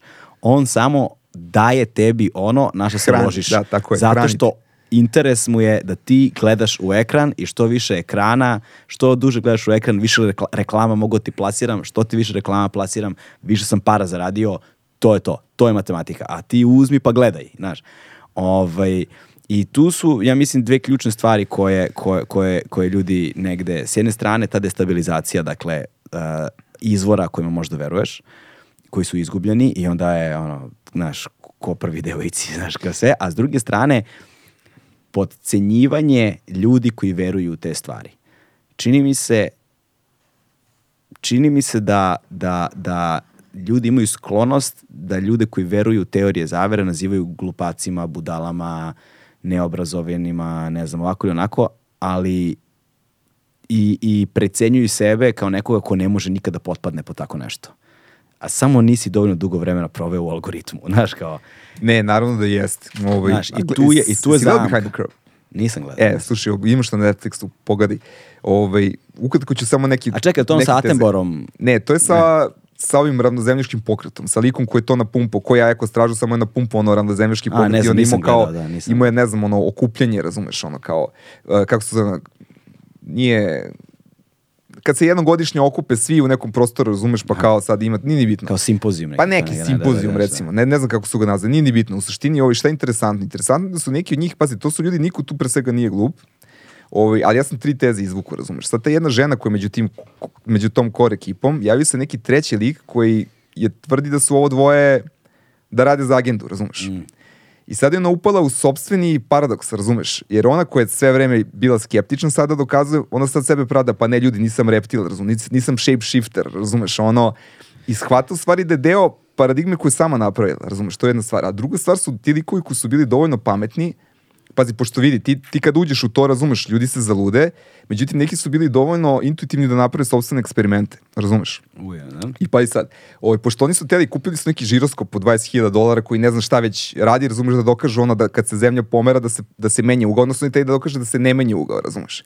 I onda kad su ga instalirali, skontali su da se za sat vremena promeni ugao tačno 15 stepeni, razumeš, 15 puta 24, 360, razumeš, kao ne, ne, ne, kao nešto nevoljno, su ga stavljaju neke kutije, razumeš, kao da, da, da, da izoluju neke stvari, na kraju li kaže, ne, moram da priznam da moramo da odbacimo kao našu teoriju, jer smo, ono, dokazali smo, znaš, mo, moramo da se zaustavimo tu, razumeš, znači bio je dovoljno intuitivan da, da, da je sam napravio eksperiment, razumeš, jer je došlo do toga da on sam hoće da potvrdi i video kao, čekaj, ok, znaš, nešto nam tu pada u vodu, nešto nije kako treba. I, ovaj, i film se u stvari završava kada su postavili šipke i trebali su snop svetla da postave, znaš, i sad valjda onaj drugi je trebao da bude, a, pošto kako imaš ono zakrivljenje na, na višem stupnju, sad ne mogu baš ovako mentalno ti ga dočinam, otprilike, otprilike osoba koja gleda, ako se ako spusti snop neće proći, ali ako se malo podigne, proći će i to će dokazati da je zakrivljeno, razumiješ? Aha, misliš, mi, mis, misli, misliš ukoliko je osoba na dovoljno velikoj udaljenosti a, da bi snop pogodio to mesto, on mora da bude na višoj poziciji. Tako da je, da je ravno prošli bi ravno, razumeš, Da, da. ali pošto će ona druga šipka morati, ako postoji zakrivljenje, Ono, razumeš, imaće, da. imaće ono neki mali ugao i film se završava tako što tip kao ne vidi, ne vidi, ne vidi, kao digni malo svetlo, on ga digne i vidi, kaže, oh, this is interesting, razumeš, Da. kao interesantno, znači oni nisu glupaci, neki od njih su vrlo, vrlo inteligentni, intuitivni, jednostavno su upali u tu matricu, razumeš, a ta matrica je, mislim, to je neki verovatno psihološki rad, treba se poneti. To je ta spirala koja ide, razumeš, i ti ne možeš da se zaustaviš, razumeš. I ti kada kreneš to da kopaš, da se baviš tim, razumeš, da ulaziš u to, ti ne možeš da izađeš iz toga. Jer ja imam problem sa svojim prijateljima koji hoće da me ubede, razumeš, da su pravo. I stalno mi bacaju neke članke, ja, ja ih debankujem, razumeš, ja mu nađem, ali ja, ne, ja mu kažem, tomu drugu sam rekao, ja nemam sat vremena svaki dan da sedim tu, da ti šaljem, da ti razbijem to, jer ti ćeš sutradan samo da baciš nešto novo, razumeš. Da. Kao tako je vreme da prihvatimo da svako nas ima svoje mišljenje, razumeš. Jo. I onda ja dobijem Onda- onda manji poludi. nervni slom. Da. Ali nije, nije, znaš, u suštinski, vidi, to jeste, ne bi trebalo to mnogo da nas tangira, dok nas ne ugrožava. Mm. Najveći problem je što to na, na neki stražen, ne, ne, ne- neki način neko stražu ugrožava. Dobro, ali znaš, taj hajde- građanski pokret je Da, ali- razvonjen zbog toga. Ali znaš šta je, recimo, jedna strana je, ok, ajde, chemtrails i to koji, koji, koji relativizuju problem zagađenja vazduha, znaš, kao zaprašuje nas odmah ima neki veliki neprijatelj sa strane koje, koje mora da se obratimo, znaš. Ali, Ali ono, nije to. Slušaj šta je najbitnije. Ovaj, najbitnije je ta teza da postoji neki strani neprijatelj, neka sila na koju ne možemo da utičemo. Razumeš? Mm. Jer vidi, svi problemi sa zagađenjem, ti imaš tu, što se kaže narodski, koga da uvatiš i za gušu i za kragu. Razumeš? Da. Znači ti imaš gde da protestuješ, jer znaš ko je glavni odgovorno lice. Kada kažeš, znaš, tajno, kao duboka država, znaš, ko je pre svega duboka država, razumeš? To su kao, naš ilumina, neki, neki faktor tu postoji koji ti ne znaš ni gde je, ni šta je, I onda te- odmah te pacifikuje, razumeš? Da. Brate, znaš, ne mogu protiv toga da je ono pijem zeolid, da se zatvorim ono, u svoju kutiju kao da budem nedodirir, ti ljudi idu, idu ka tome da napravi sebi svoj mehur, malte ne ono, da, da gaji sam svoje povrće, da ne bude Da. izložen kontroli duboke države, razumeš, ili čega god. I to te bukvalno anestezira da se pobuniš za ove stvari koje može da se pobuniš, razumeš. Jer, I oni, oni to sve, kako da ti kažem, u svojoj glavi sve to kao jedna supa na kraju, razumeš. I ovo i ono, niko njih ne veru u zagađenje. Oni su skontali da to postoji PM česti, da, tu, da se tu stvarno nešto dešava, oni samo ne veruju u izvor toga. Da. Razumeš? I ka, ako ne postoji jasan izvor, onda ti nemaš protiv koga da se boriš. Mislim, kada A znaš šta mi je zanimljiv podatak zapravo kada e, s jedne strane se takođe prst upire u automobile koji svakako doprinose zagađenju ovaj, bez greške, ali u vreme lockdowna, u vreme ono zaključavanja i onih kako su ih nazvali, ono, nemam pojma, dakle u vreme, u vreme zaključavanja bilo je nula automobila na ulicama, policijski čas, da. policijski čas, bravo. Tako je. Dakle, bilo je nula automobila na ulicama, ali PM čestice su bile ljubičaste, znaš, Tako je. maksimalne. Napravili smo tu analizu. Imam jedan dobar članak, poslaću ti ga. Ovaj. Ja sam se baš bavio tim i tih 72 sata ovaj, i tim pikovima ovaj, na, zagađenje uopšte nije bilo manje, razumeš? Ti čak možda imaš neki onaj latentni period od kako automobili prestanu da se voze pa dok se slegnali. Tipa u onim 60-im, 70-im satovima su išli pikovi do 200 PM-ova, razumeš? Što nije sad bitno toliko zbog dokazivanja tipa šta više zagađuje, da li termoelektrane, automobili, ložišta, ono što je bitno da shvatimo da ne možeš samo da tretiraš jedan deo problema. Jer ti, da zamisli mi sad samo da jedina mera nam je tipa da zamenimo ono euro 3 za jači. Znači ti, ti ćeš zameniti na nekim kolima, ali šta će suštinski da se promeni ako svi automobili stanu, ti dalje imaš zagađenje. Razumeš? I možda zamisliš koliko je to naše zagađenje, brate, kad ono, jedan uzrok ako eliminišeš, on i dalje tu. Razumeš? Ta, I- i to- ta multislojnost, Da, razumeš? I, ta, i ono, ono je dalje tu nesmanjenom jačinom. Tako je. To je, ono, to je ono što je problem. A s druge strane, evropski standardi novi su smanjili ono PM čestice sa 10 na 5. fazi. To, nisu, to je svetska zdravstvena organizacija. Svetska zdravstvena, da, aha. Sa 10 godišnji nivo su smanjeni na 5. Da, A ako- mi ga šibamo, vrate, zimi. E, 200, i 300 ovaj, a, još jedan način, znaš, govorili smo o tome kako jel te, je problem naći izvore informisanja, medijski ekosistemi, društvene mreže i prisutni ste i na... Koliko vas je zapravo uopšte Ekostradi sada? Pa pazi, u tom užem krugu od nekih 20 ljudi još. A znači ima vas sada već? Ima, pa dobro, ali vidi, tu su ljudi koji, znaš, oni imaju neku obavezu da napravi, nije to full time, nikome, Mm. znaš, oni što vuče mora da potroši to najviše vremena obrni okreni, znaš, ali dobro, dosta ljudi tu pomaže, ne mogu sam, razumeš, ne mogu da pravim grafički dizajn, ne mogu da, da radim i ti ljudi koji rade stvarno im svaka čast. Iako imaš dizajn studija. Pa dobro, jeste, zato što, razumeš, morao bi da angažujem ljude koji su van toga, koji će svi pristati da ti urade, ali neće onda kada ti treba, znaš. Da, da, da, to je najveći problem, razumeš. A onda, znaš kako kažu, najjeftinije kad platiš, razumeš. Tako je. Tako da ti moraš da nađeš volontere koji to rade, ali su dovoljno zagriženi za to da isteraju, razumeš. Mm. Jer ljudi iz studija, kako da ti kažem, isto, ovaj, nemaju svi ist, ist, istu svest ka tome šta je zašto hoće toliko puno da se žrtvuje, razumeš? Tako da moja ekipa iz studija jeste stvarno dobra, ali neka mi treba nešto bude gotovo taj dan, znaš, ne za tri nedelje. Što najbitnije, zbog toga što se brzo deli jasno, informacija. šalim se, bre, ja ovako, znaš, Ne, ne, pazi, to je vrlo, vrlo ovako interesantno pitanje, ali nije samo grafički dizajn, znaš, tu ima dosta administracije, znaš, neko treba nešto da, imam jednu posebnu, znači, recimo, mailove ne čitamo, ono, Da. Dragana čita mailove i samo ako i trebamo, ona me kontaktira, znaš, napravio sam ja tu neki sistem da to funkcioniše i funkcioniše tako kako funkcioniše za sad, ide, ali, ovaj, Teško je. opet ide vreme. Ovaj, I sad, s jedne strane, dakle, desilo se to, napravio si Facebook stranicu, napravili ste Instagram stranicu, Twitter, ili tako sve, sve ove društvene mreže strane. Imate TikTok, to ne znam. Imamo, brate, ali to niko ne gleda. Stvarno, a? pa da, A, znači, mora- tamo mo- samo ako nešto ono, Morat će neko da Ali, znaš napravi... kakav je algoritam TikToka, brate? Ako je nešto stvarno, on ga povuči, to bude. Tipa, ne znam, u Linglongu tamo su neki likovi su vatili mačku, ono, kinezi, brate, tipa, odrali mačku, je znaš, oni ko kod kuće, razumeš, odrali mačku i krenuli da prave večeru, razumeš. I neko je to snimio i poslao nam, razumeš. Na TikToku svaki video ima 100, ono, 100 pregleda, 100 pregleda, evo imamo tipa pola miliona. Da. Znaš, kad je nešto što je stvarno clickbait, Da. to će da pogleda ono jako puno ljudi i to mi užasno nervira kod TikToka. Nešto što je tipa edukativno, dokumentarno, to nije za tu publiku, dok je recimo Instagram bolji, znaš. Mm. Instagram zna da prepozna ono, da ako je video kako da ti kažem, jer ti ljudi vede koji gledaju rilove, znaš, ako su ti gledali tvoju stranu, nekako povuče da to gledano i ima, vide idu preko 100.000 kao ništa. Da, znaš, da, da. stranicu od 70.000 to je Da, jako da. dobro. E, ovaj, i sad došao je trenutak, to je bio jedan, jedan od razloga zapravo zašto sam te zvao, jeste ovaj, da, ste na, da pravite podcast. Jeste. Eko Hoćeš straža. da me izreklamiraš? Pa naravno. E, super. šta- Vidi, meni je za taj podcast jako dugo stoji ta ideja, sad su se stvori uslovi, zato što to mora se platiti, to najbolje znaš. znaš neće niko ne, da da džabe opremu i džabe da snima i meni jedan od razloga finansiranja jeste da to mogu da platim. Jer ja hoću da radim podcast samo malo, vidi, razlozi su drugačiji, znaš, jer ja pokušavam da tom svom koru koji imam, znači tim svojim pratiocima sažvaćem te neke teme i dostavim kako bi mi unutar sebe obogatili to znanje i znali da Da. neki izvori zagađenja ne postoje, a da neki drugi postoje i pokušavam da pozovem ljude koji sam, a upoznao sam ih jako puno, koji su stvarno prepametni.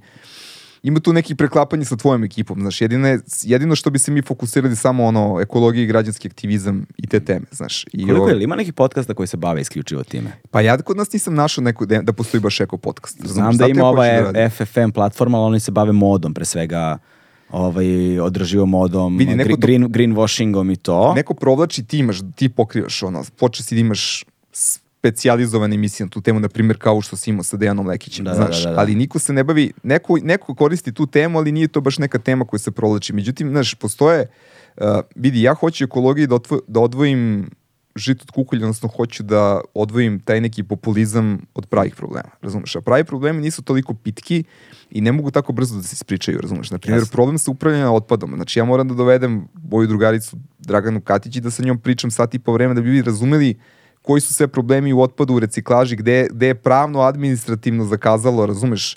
Zašto to ne može da zaživi kod nas i to nije nešto što može da stane u, u tweet post od 100 karaktera. 240. Imam veliki problem sa tim. A, čekaj, a Dragana Katić je, čime se ona bavi profesionalno? On ima Trash Heroes on organizaciju Aha, i ona mi je jedan od mojih partnera, saboraca na temu ove, čišćenja divljih deponija po prirodi koje organizujemo nekoliko puta godišnje. Mhm, dobro, dak, dakle, tu je ideja, ti, ti, ćeš da, ti si vojitelj podcasta, to sam vidio na nekim je. snimcima. Ovaj, jesi objavio epizode već? Ne, niste, tek je počelo snimanje. Tek je Hoće da ime na 4-5 pa da, pa da pustim. Treba Pa- malo se praksiram, razumeš? Ti, Da. si, ti si profesionalac čovjek, znaš. Nije, čini ti se samo. gledam malo učim, znaš, Da, da. ali nije, nije, vidi, nije meni bitno to, to neće biti puno gledano, znaš, to će da ima ograničeni neki rič, što je meni skroz okej, znaš. Ne možeš da razmišljaš tako. A? Ne možeš da razmišljaš tako. Zato što sam vremenom skapirao da ne postoje dosadne teme. Ne postoje nezanimljive teme. Znaš, ne postoje stvari samo u tome na koji način se one m- vidi, znači imam mnogo podcasta, brate. Ja bi, vidi, ja, ja imam toliku želju da odgledam i da pročitam toliko knjige, da odgledam toliko sadržaja, jednostavno nema vremena. I moram da pravim kompromis. To je istina. Razumeš? I jednostavno u tim mojim, to si ti rekao, ja gledam, gledam tebi ozbiljne teme. Da. Razumeš? On mi je, onaj momak mi je ultra zabavan, da ima tu neku, taj neki način kako, kako, kako drži, mislim, to nije ni podcast, to je, on je youtuber, razumeš, Mm. Da. ono, ali ima taj, fascinantno mi kako objašnja istoriju, kako klinci u stvari uzimaju njega, da odgovaraju, da uče teme, nekad, prove, nekad proučete neke socijalne momente, ti i ne znam, brate, da li još neki podcast imam onda baš da pratim i to je to, jer jednostavno ja bih gledao, ali nemam vremena, znaš. Pazi, ali s druge strane treba računati s time da, da, da podcasta je sve više, ali vrlo mali broj ljudi u tom ogromnom broju podcasta se time zapravo ozbiljno bavi. Znaš, nema, nema mnogo da im je to primarni izvor prihoda, da je to nešto o čemu razmišljaju po ceo dan, a, da je to nešto što konstantno pokušavaju da naprede ulažu trud i vreme da se time bave i ono što je najvažnije, velika većina njih ono naprave će svako prve dve, tri, pet, 15, 25 epizoda, ali posle toga kriza, znaš. I tu ovaj, padaju mnogi. Mislim da je taj, taj kontinuitet ono što je najveći problem za veliki broj podcastera. Znaš, I onda kada uzmeš ukupan broj podcasta, jeste da, broj, cifre su impresivne, ali kada uzmeš one koji se zapravo ozbiljno time bave, broj je drastično manji. vidi, ali je, recimo ja sam baš napravio malo drugačiju strategiju. Tebi je, ja znam celu tvoju priču, mislim, oko podcasta Da. i toga i totalno je okej. Znaš, i tebi malo, kako ti kažem, dosta ti zavisi i finansijski sve od toga, znaš. Da. Ja sam napravio taj sistem da se preko članarina, ono, Mm. i dok ima članarina, ja ću to da snimam, brate, Kad zvaću ljude i kada god ima nešto da se rašisti vezano za sve ove probleme, ja ću da napravim podcast jer mi je lakše tako da u sat i po vremena razgovora sa njim da raščivijem to za ljude koje to zanima. Da. Pod jedan na po dva, znaš, ja sam u temi, znaš, Da. i ja sve ove ljude koje znam, znam da pitam prava pitanja vezano za ekologiju, što će da bude To je ja jako sam nekom gledac. da. Recimo dosta novinara kada i pozovu, ne znam, ono, nekog otko znam, neko ko se bavi energetikom, znaš, pita ga neka pitanja koja on je u nekom svom brzom istraživanju misli da to nešto bitno, u stvari nije toliko bitno, znaš. Jer ovaj, u samoj ekologiji postoji mnogo tih zabluda, ja sam to skontan. Mnogi ljudi veruju svašta i nikad nije ni situacija crno-bela.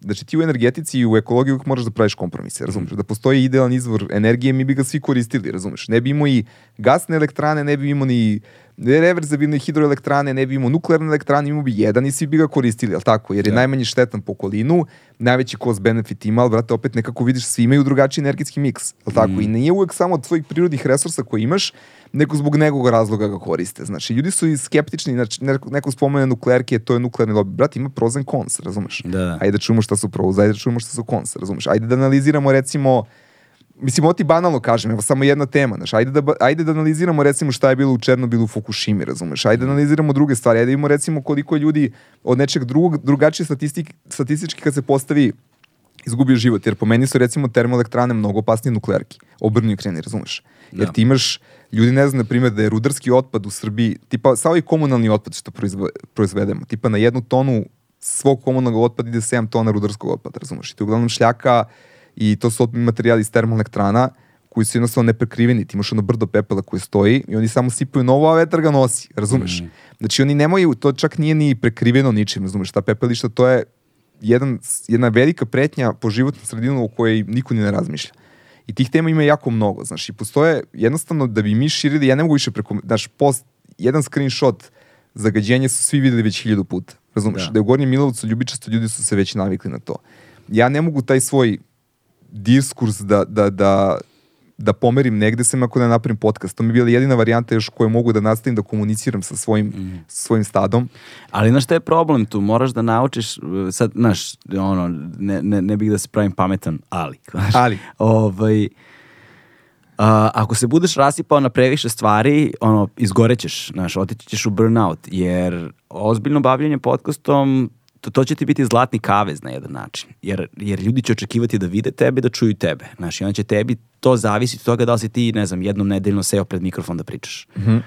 Ovaj, I onda će to postati obaveza koju ti moraš da obavljaš. S druge strane, ako treba se gostuje vama, to će biti obaveza koju ti moraš da obavljaš. Znaš, jer tebe ljudi očekuju da vide. Znaš, s, druge strane, s treće strane, ako a, vođenje tih sadržaja na društvenim mrežama, ako si ti taj koji je kurator, koji dakle, uređuje taj sadržaj, onda će ljudi očekivati da budeš ti taj koji komunicira s njima na tim mrežama. Znaš, onda i tu si se zarobio. Znaš, odjednom, se, onda, odjednom celokupna stvar zavisi od tebe.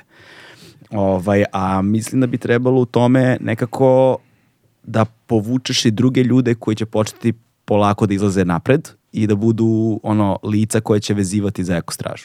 Ne, pazi, naravno je jeste. Ovo, ja sam već počeo da šaljem druge ljude na televiziju da to bude prepoznatljivo kao pokret. Da. Ali vidi, još jedan razlog zašto ja sebi nisam guru u prvi plan, jer sam uvijek teo to da ljudi znaju šta je ekostraža, ne šta je Bojan. Razumiješ? Da. Jer neki drugi pokreti su uvijek imali personifikaciju uh, privatnog, ličnog za, pa sva politika za pokret, razumeš? Pa dobro, svi ekološki pokreti su takvi, razumeš? Mislim, obrnio kreni to i mora da bude tako, znaš, moraš da imaš jednog, jednog predstavnika, ono, ne mora koji nužno. je tu, Ne mora nužno. Ne, ne mora, ne mora nužno. Ja nisam uspio da pobegnem iz te paradigme. Da, znaš, da. Ne kažem da ja bih volao da nije tako, ali jednostavno smo upali smo u to i da, da. razumeš, nekako ispude Bojan tu kao naj, najprvi, ali vidi, često jeste tako jer sam ja jedan razlog zašto pravim podcast jer ne mogu više da žongliram da dobijem svoje mesto u medijima, razumeš? Neću da se budim u 6 ujutru, da, da. da bi mogu da bacim, uh, razumeš, reel sa sobom da, da govorim nešto gde me neko nešto pitao, jednostavno uh, mi se toliko borimo, brate, da mi uđemo u, u javni prostor, razumeš? Da. Ali ne, ne, ne kao eko straže, nego sa temom, razumeš? Mm. Pa meni su to beskrajno bitne teme.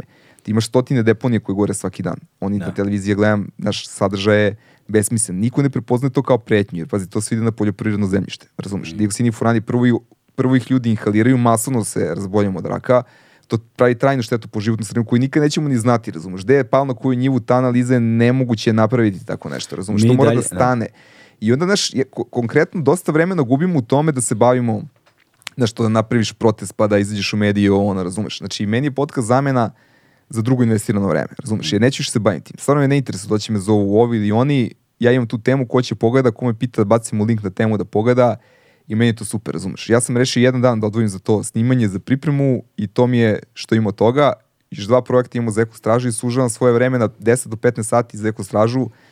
Nažalost, jer ne mogu taj tempo, razumeš. Pa 3 sati ovo je pa nula sledeće ili 2 sata. Ne, nije da. bitno, ja ne mogu više od toga jer moram da se vratim nekim svojim obavazama, pre svega deci, razumeš? Jer Da. ja jesam sa njima svaki dan tu, ali, znaš kako, ako ja drndam telefon ili ako sam za kompom, to nije to. Znaš, Da. treba mi to i tu, tu si mi stvarno, znaš, to kad, kad smo pričali o tome, vidim kako si se ti organizovao i to mi se dopada. Da.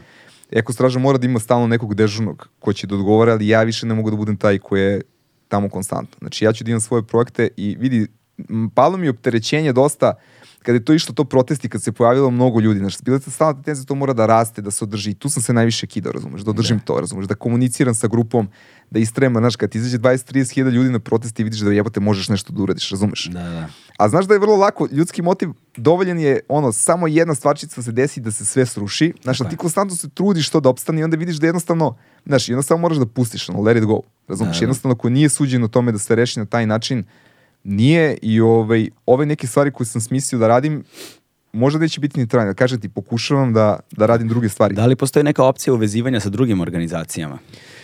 Brate, ja sam to probao i to je jalo.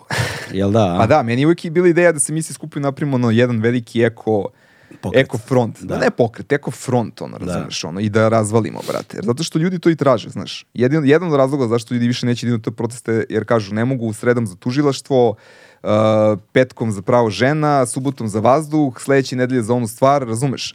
Ne možeš baš da spojiš sve teme, znaš, ne ide baš tužilaštvo, feminizam i ekologija, ali nekako jeste logično da ekološke teme spojiš, jel tako? Da. Znaš, i opet jesu različite, znaš, i nisu sva rešenja ista, ali ovaj, svi ljudi koji prate manje više jednu, to je isti krug ljudi, vidit ćeš iste pratioci i na Odbranimo reke Stare planine, i na Ekostraži, i na svim mojim malim grupama, Mm. svi oni prate isto, znaš, i to im je jednostavno trzavica. Moj pokušaj tako nešto napravim nisu uspeli, možda sam ja tu kriv isto, jer ovaj, vidi, ljudi se nekada boje nekog, jako straže dominantna među tim pokretima, znaš, jednostavno svi se boje da će to da ih proguta, znaš, i onda ulaze s tom skepsom, znaš, da tu nismo svi baš bara bar, iako je moja ideja bila čak da se ja povučem iz cele te priče, razumeš, da, Da. ne budem tu niko ko će da dođe to da najavljuje bilo šta, ako, i na, na binu da, da stavimo ljude koji su ono, struka, razumeš, da uopšte ne bude aktivista. Znači imao sam ja plan kako će to da uradi.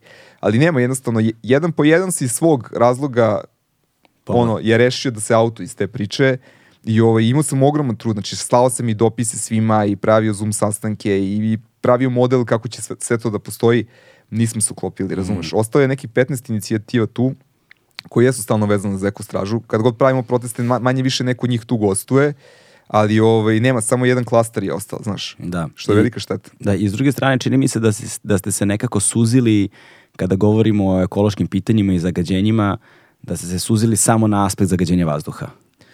Kao da se više ne raspršujete na ostale teme toliko. Pazi, ja imam jednu definiciju, ono, 50% aerozagađenje, 20% ostalo zagađenje, 20% ostale ono građansko-urbanističke teme koje su vezane za to i 10% dnevna politika. Jer ne, znaš, ali ne možeš a, ne a koji pobegneš od procenat toga. od svega toga ti uzimaju teoretičari zavere? A? Ne, nemam ja, vidi, samo par postavljam tu temu. To se uglavnom po komentarima krene, sk- skirmiš, razumeš? Da, da. Friendly fire, razumeš? Tu, tu krene, u komentarima su ono kidanje, razumeš? Kada, znaš, nešto, ne, neko dođe ono sa slikom, brate, pogledaj šta su nam radili, ono, tipa, znaš, kondenzovani tragovi na nebu, on okači sliku, pa dole ali kaže, jeste, juče su baš jako prskali, jer nisam jedini, imaju ovi drugi koje to nervira, razumeš? I onda krenu raspravu i to, ono, znaš, ode do, do, do trenutka da izgubljena, brate. Haos, čoveče, meni su te stvari prosto, prosto, prosto neverovatne. Ali s druge strane, ovaj, ono što je negde, čini mi se, trajektorija, dakle putanja svih uh, po, pokreta koji dođu do jedne kritične, do nekakve kritične mase, uh, kad shvatiš da prave društvene promene dešavaju se dakle na toj vertikali političkoj pre svega. I, znaš, niko neće rešiti problem zagađenja vazduha dok to ne dođe negde s vrha države u, na neki način. I ono što mi se čini da je još jedan od jedne, još jedna od skepsi a, publike a, i potencijalnih um, potencijalnih ljudi koji bi podržali a, inicijativu a, taj što strahuju da ćeš ući u politiku. To je večiti strah, da, zato što se već desilo sa nekim pokretima, Pa, razumeš? I sa onda- mnogim, sa mnogim. Pa sa mnogim i onda su oni, znaš, to je pitanje, oni ne kažu kad ćeš, ne kažu u stvari da li ćeš, nego kad ćeš, Da. razumeš ono, kad ćeš, kad ćeš da izađeš iz ormana.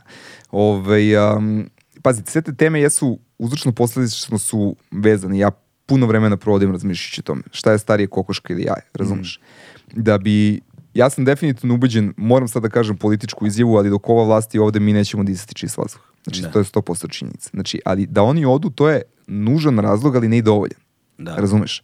I cijela moja zamisla s tim aktivizmom jeste da ove guramo, da ih bušimo, ali da budemo ona batina koja će jednog sledećeg da dovede u red kad dođe. Jer će znati da ima celu jednu ekipu ljudi koji će da mu, razumeš, koji će bukvalno da mu visi nad lobanjom ono, dok on taj problem ne bude rešio.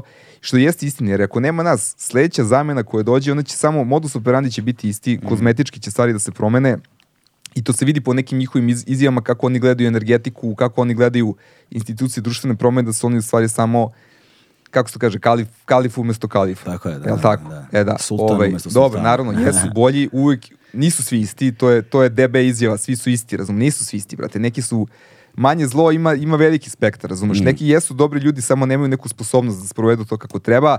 Mnogi su zaspinovali, mnogi su medijski urušili, razumeš, sa nekim etiketama i optužbama, nisu definitivno sve isti, ali građanski aktivizam treba da bude dosledan, da stalno bude taj bič, razumeš, koje god vlasti.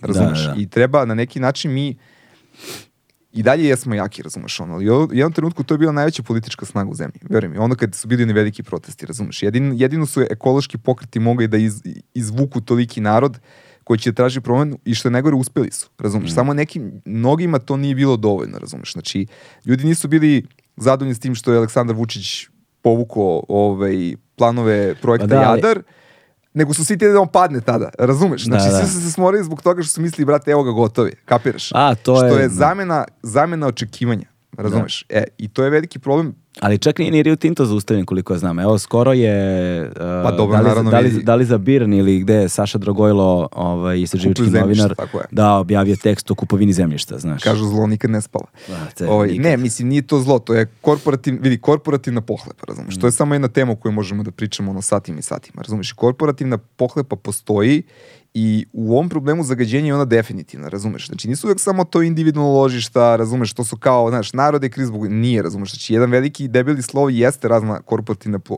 pohlepa, ne samo velikih, kao što je Ziđin, brate, ti imaš preduzeće, ono, ne znam, neke peletarije, neke male fabrike su zaposleni koji čudo rade, razumeš? Čak na neki način su i veći zagađivači nego i veliki zagađivači. Jednostavno on maksimizira svoj profit, razumeš?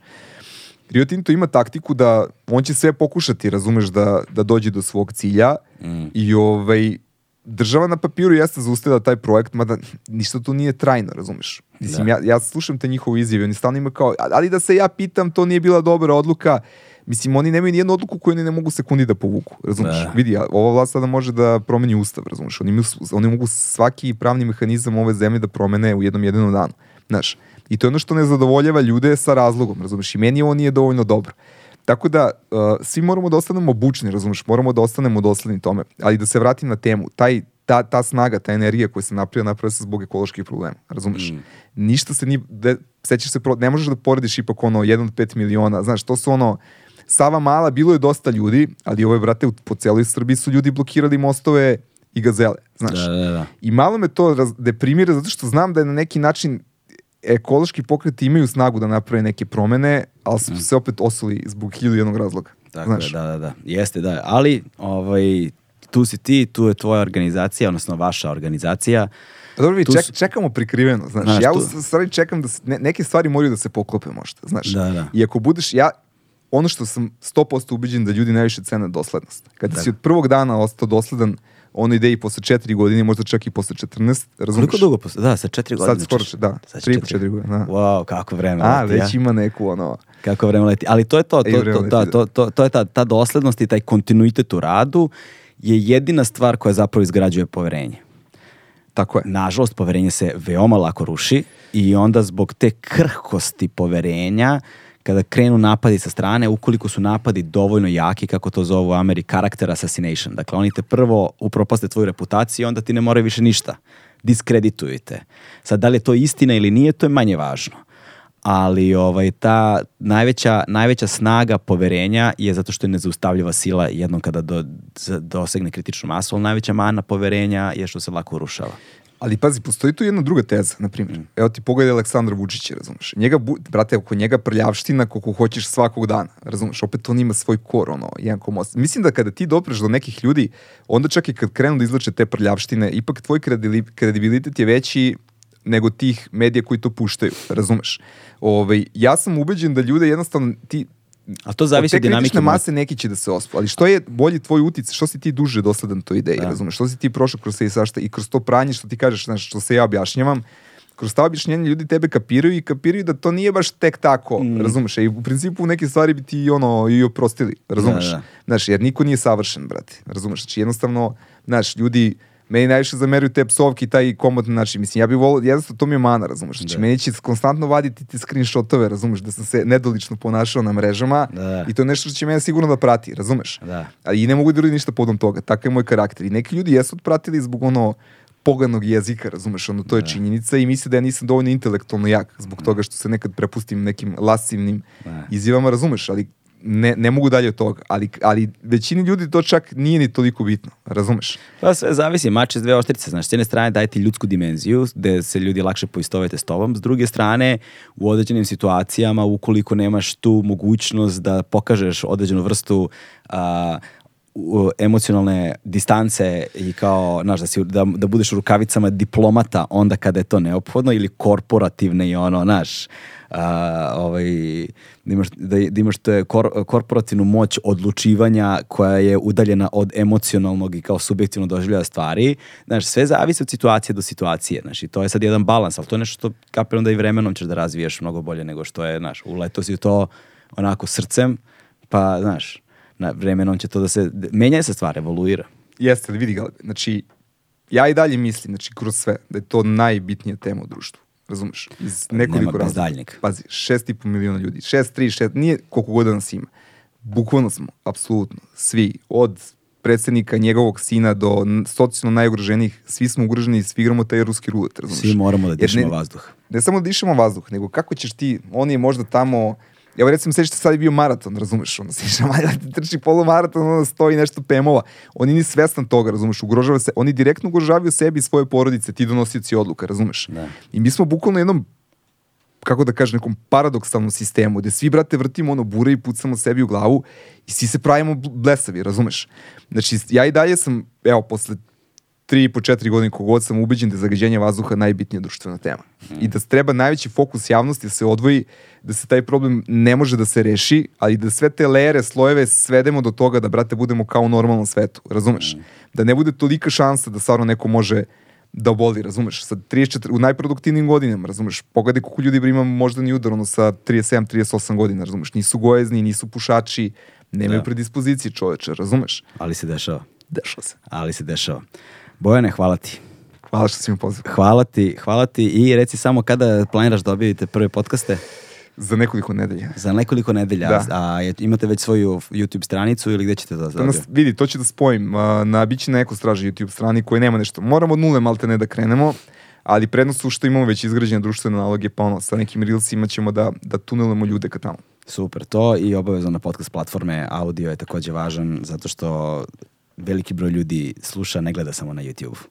To je Hvala to. ti na svim E, savjetima. aj, hvala tebi, kućo. Ovaj, a, to je to. Nastavi dalje sa borbom, tu smo. Hvala puno. To je to, stigli smo do kraja. Ćao. Ćao.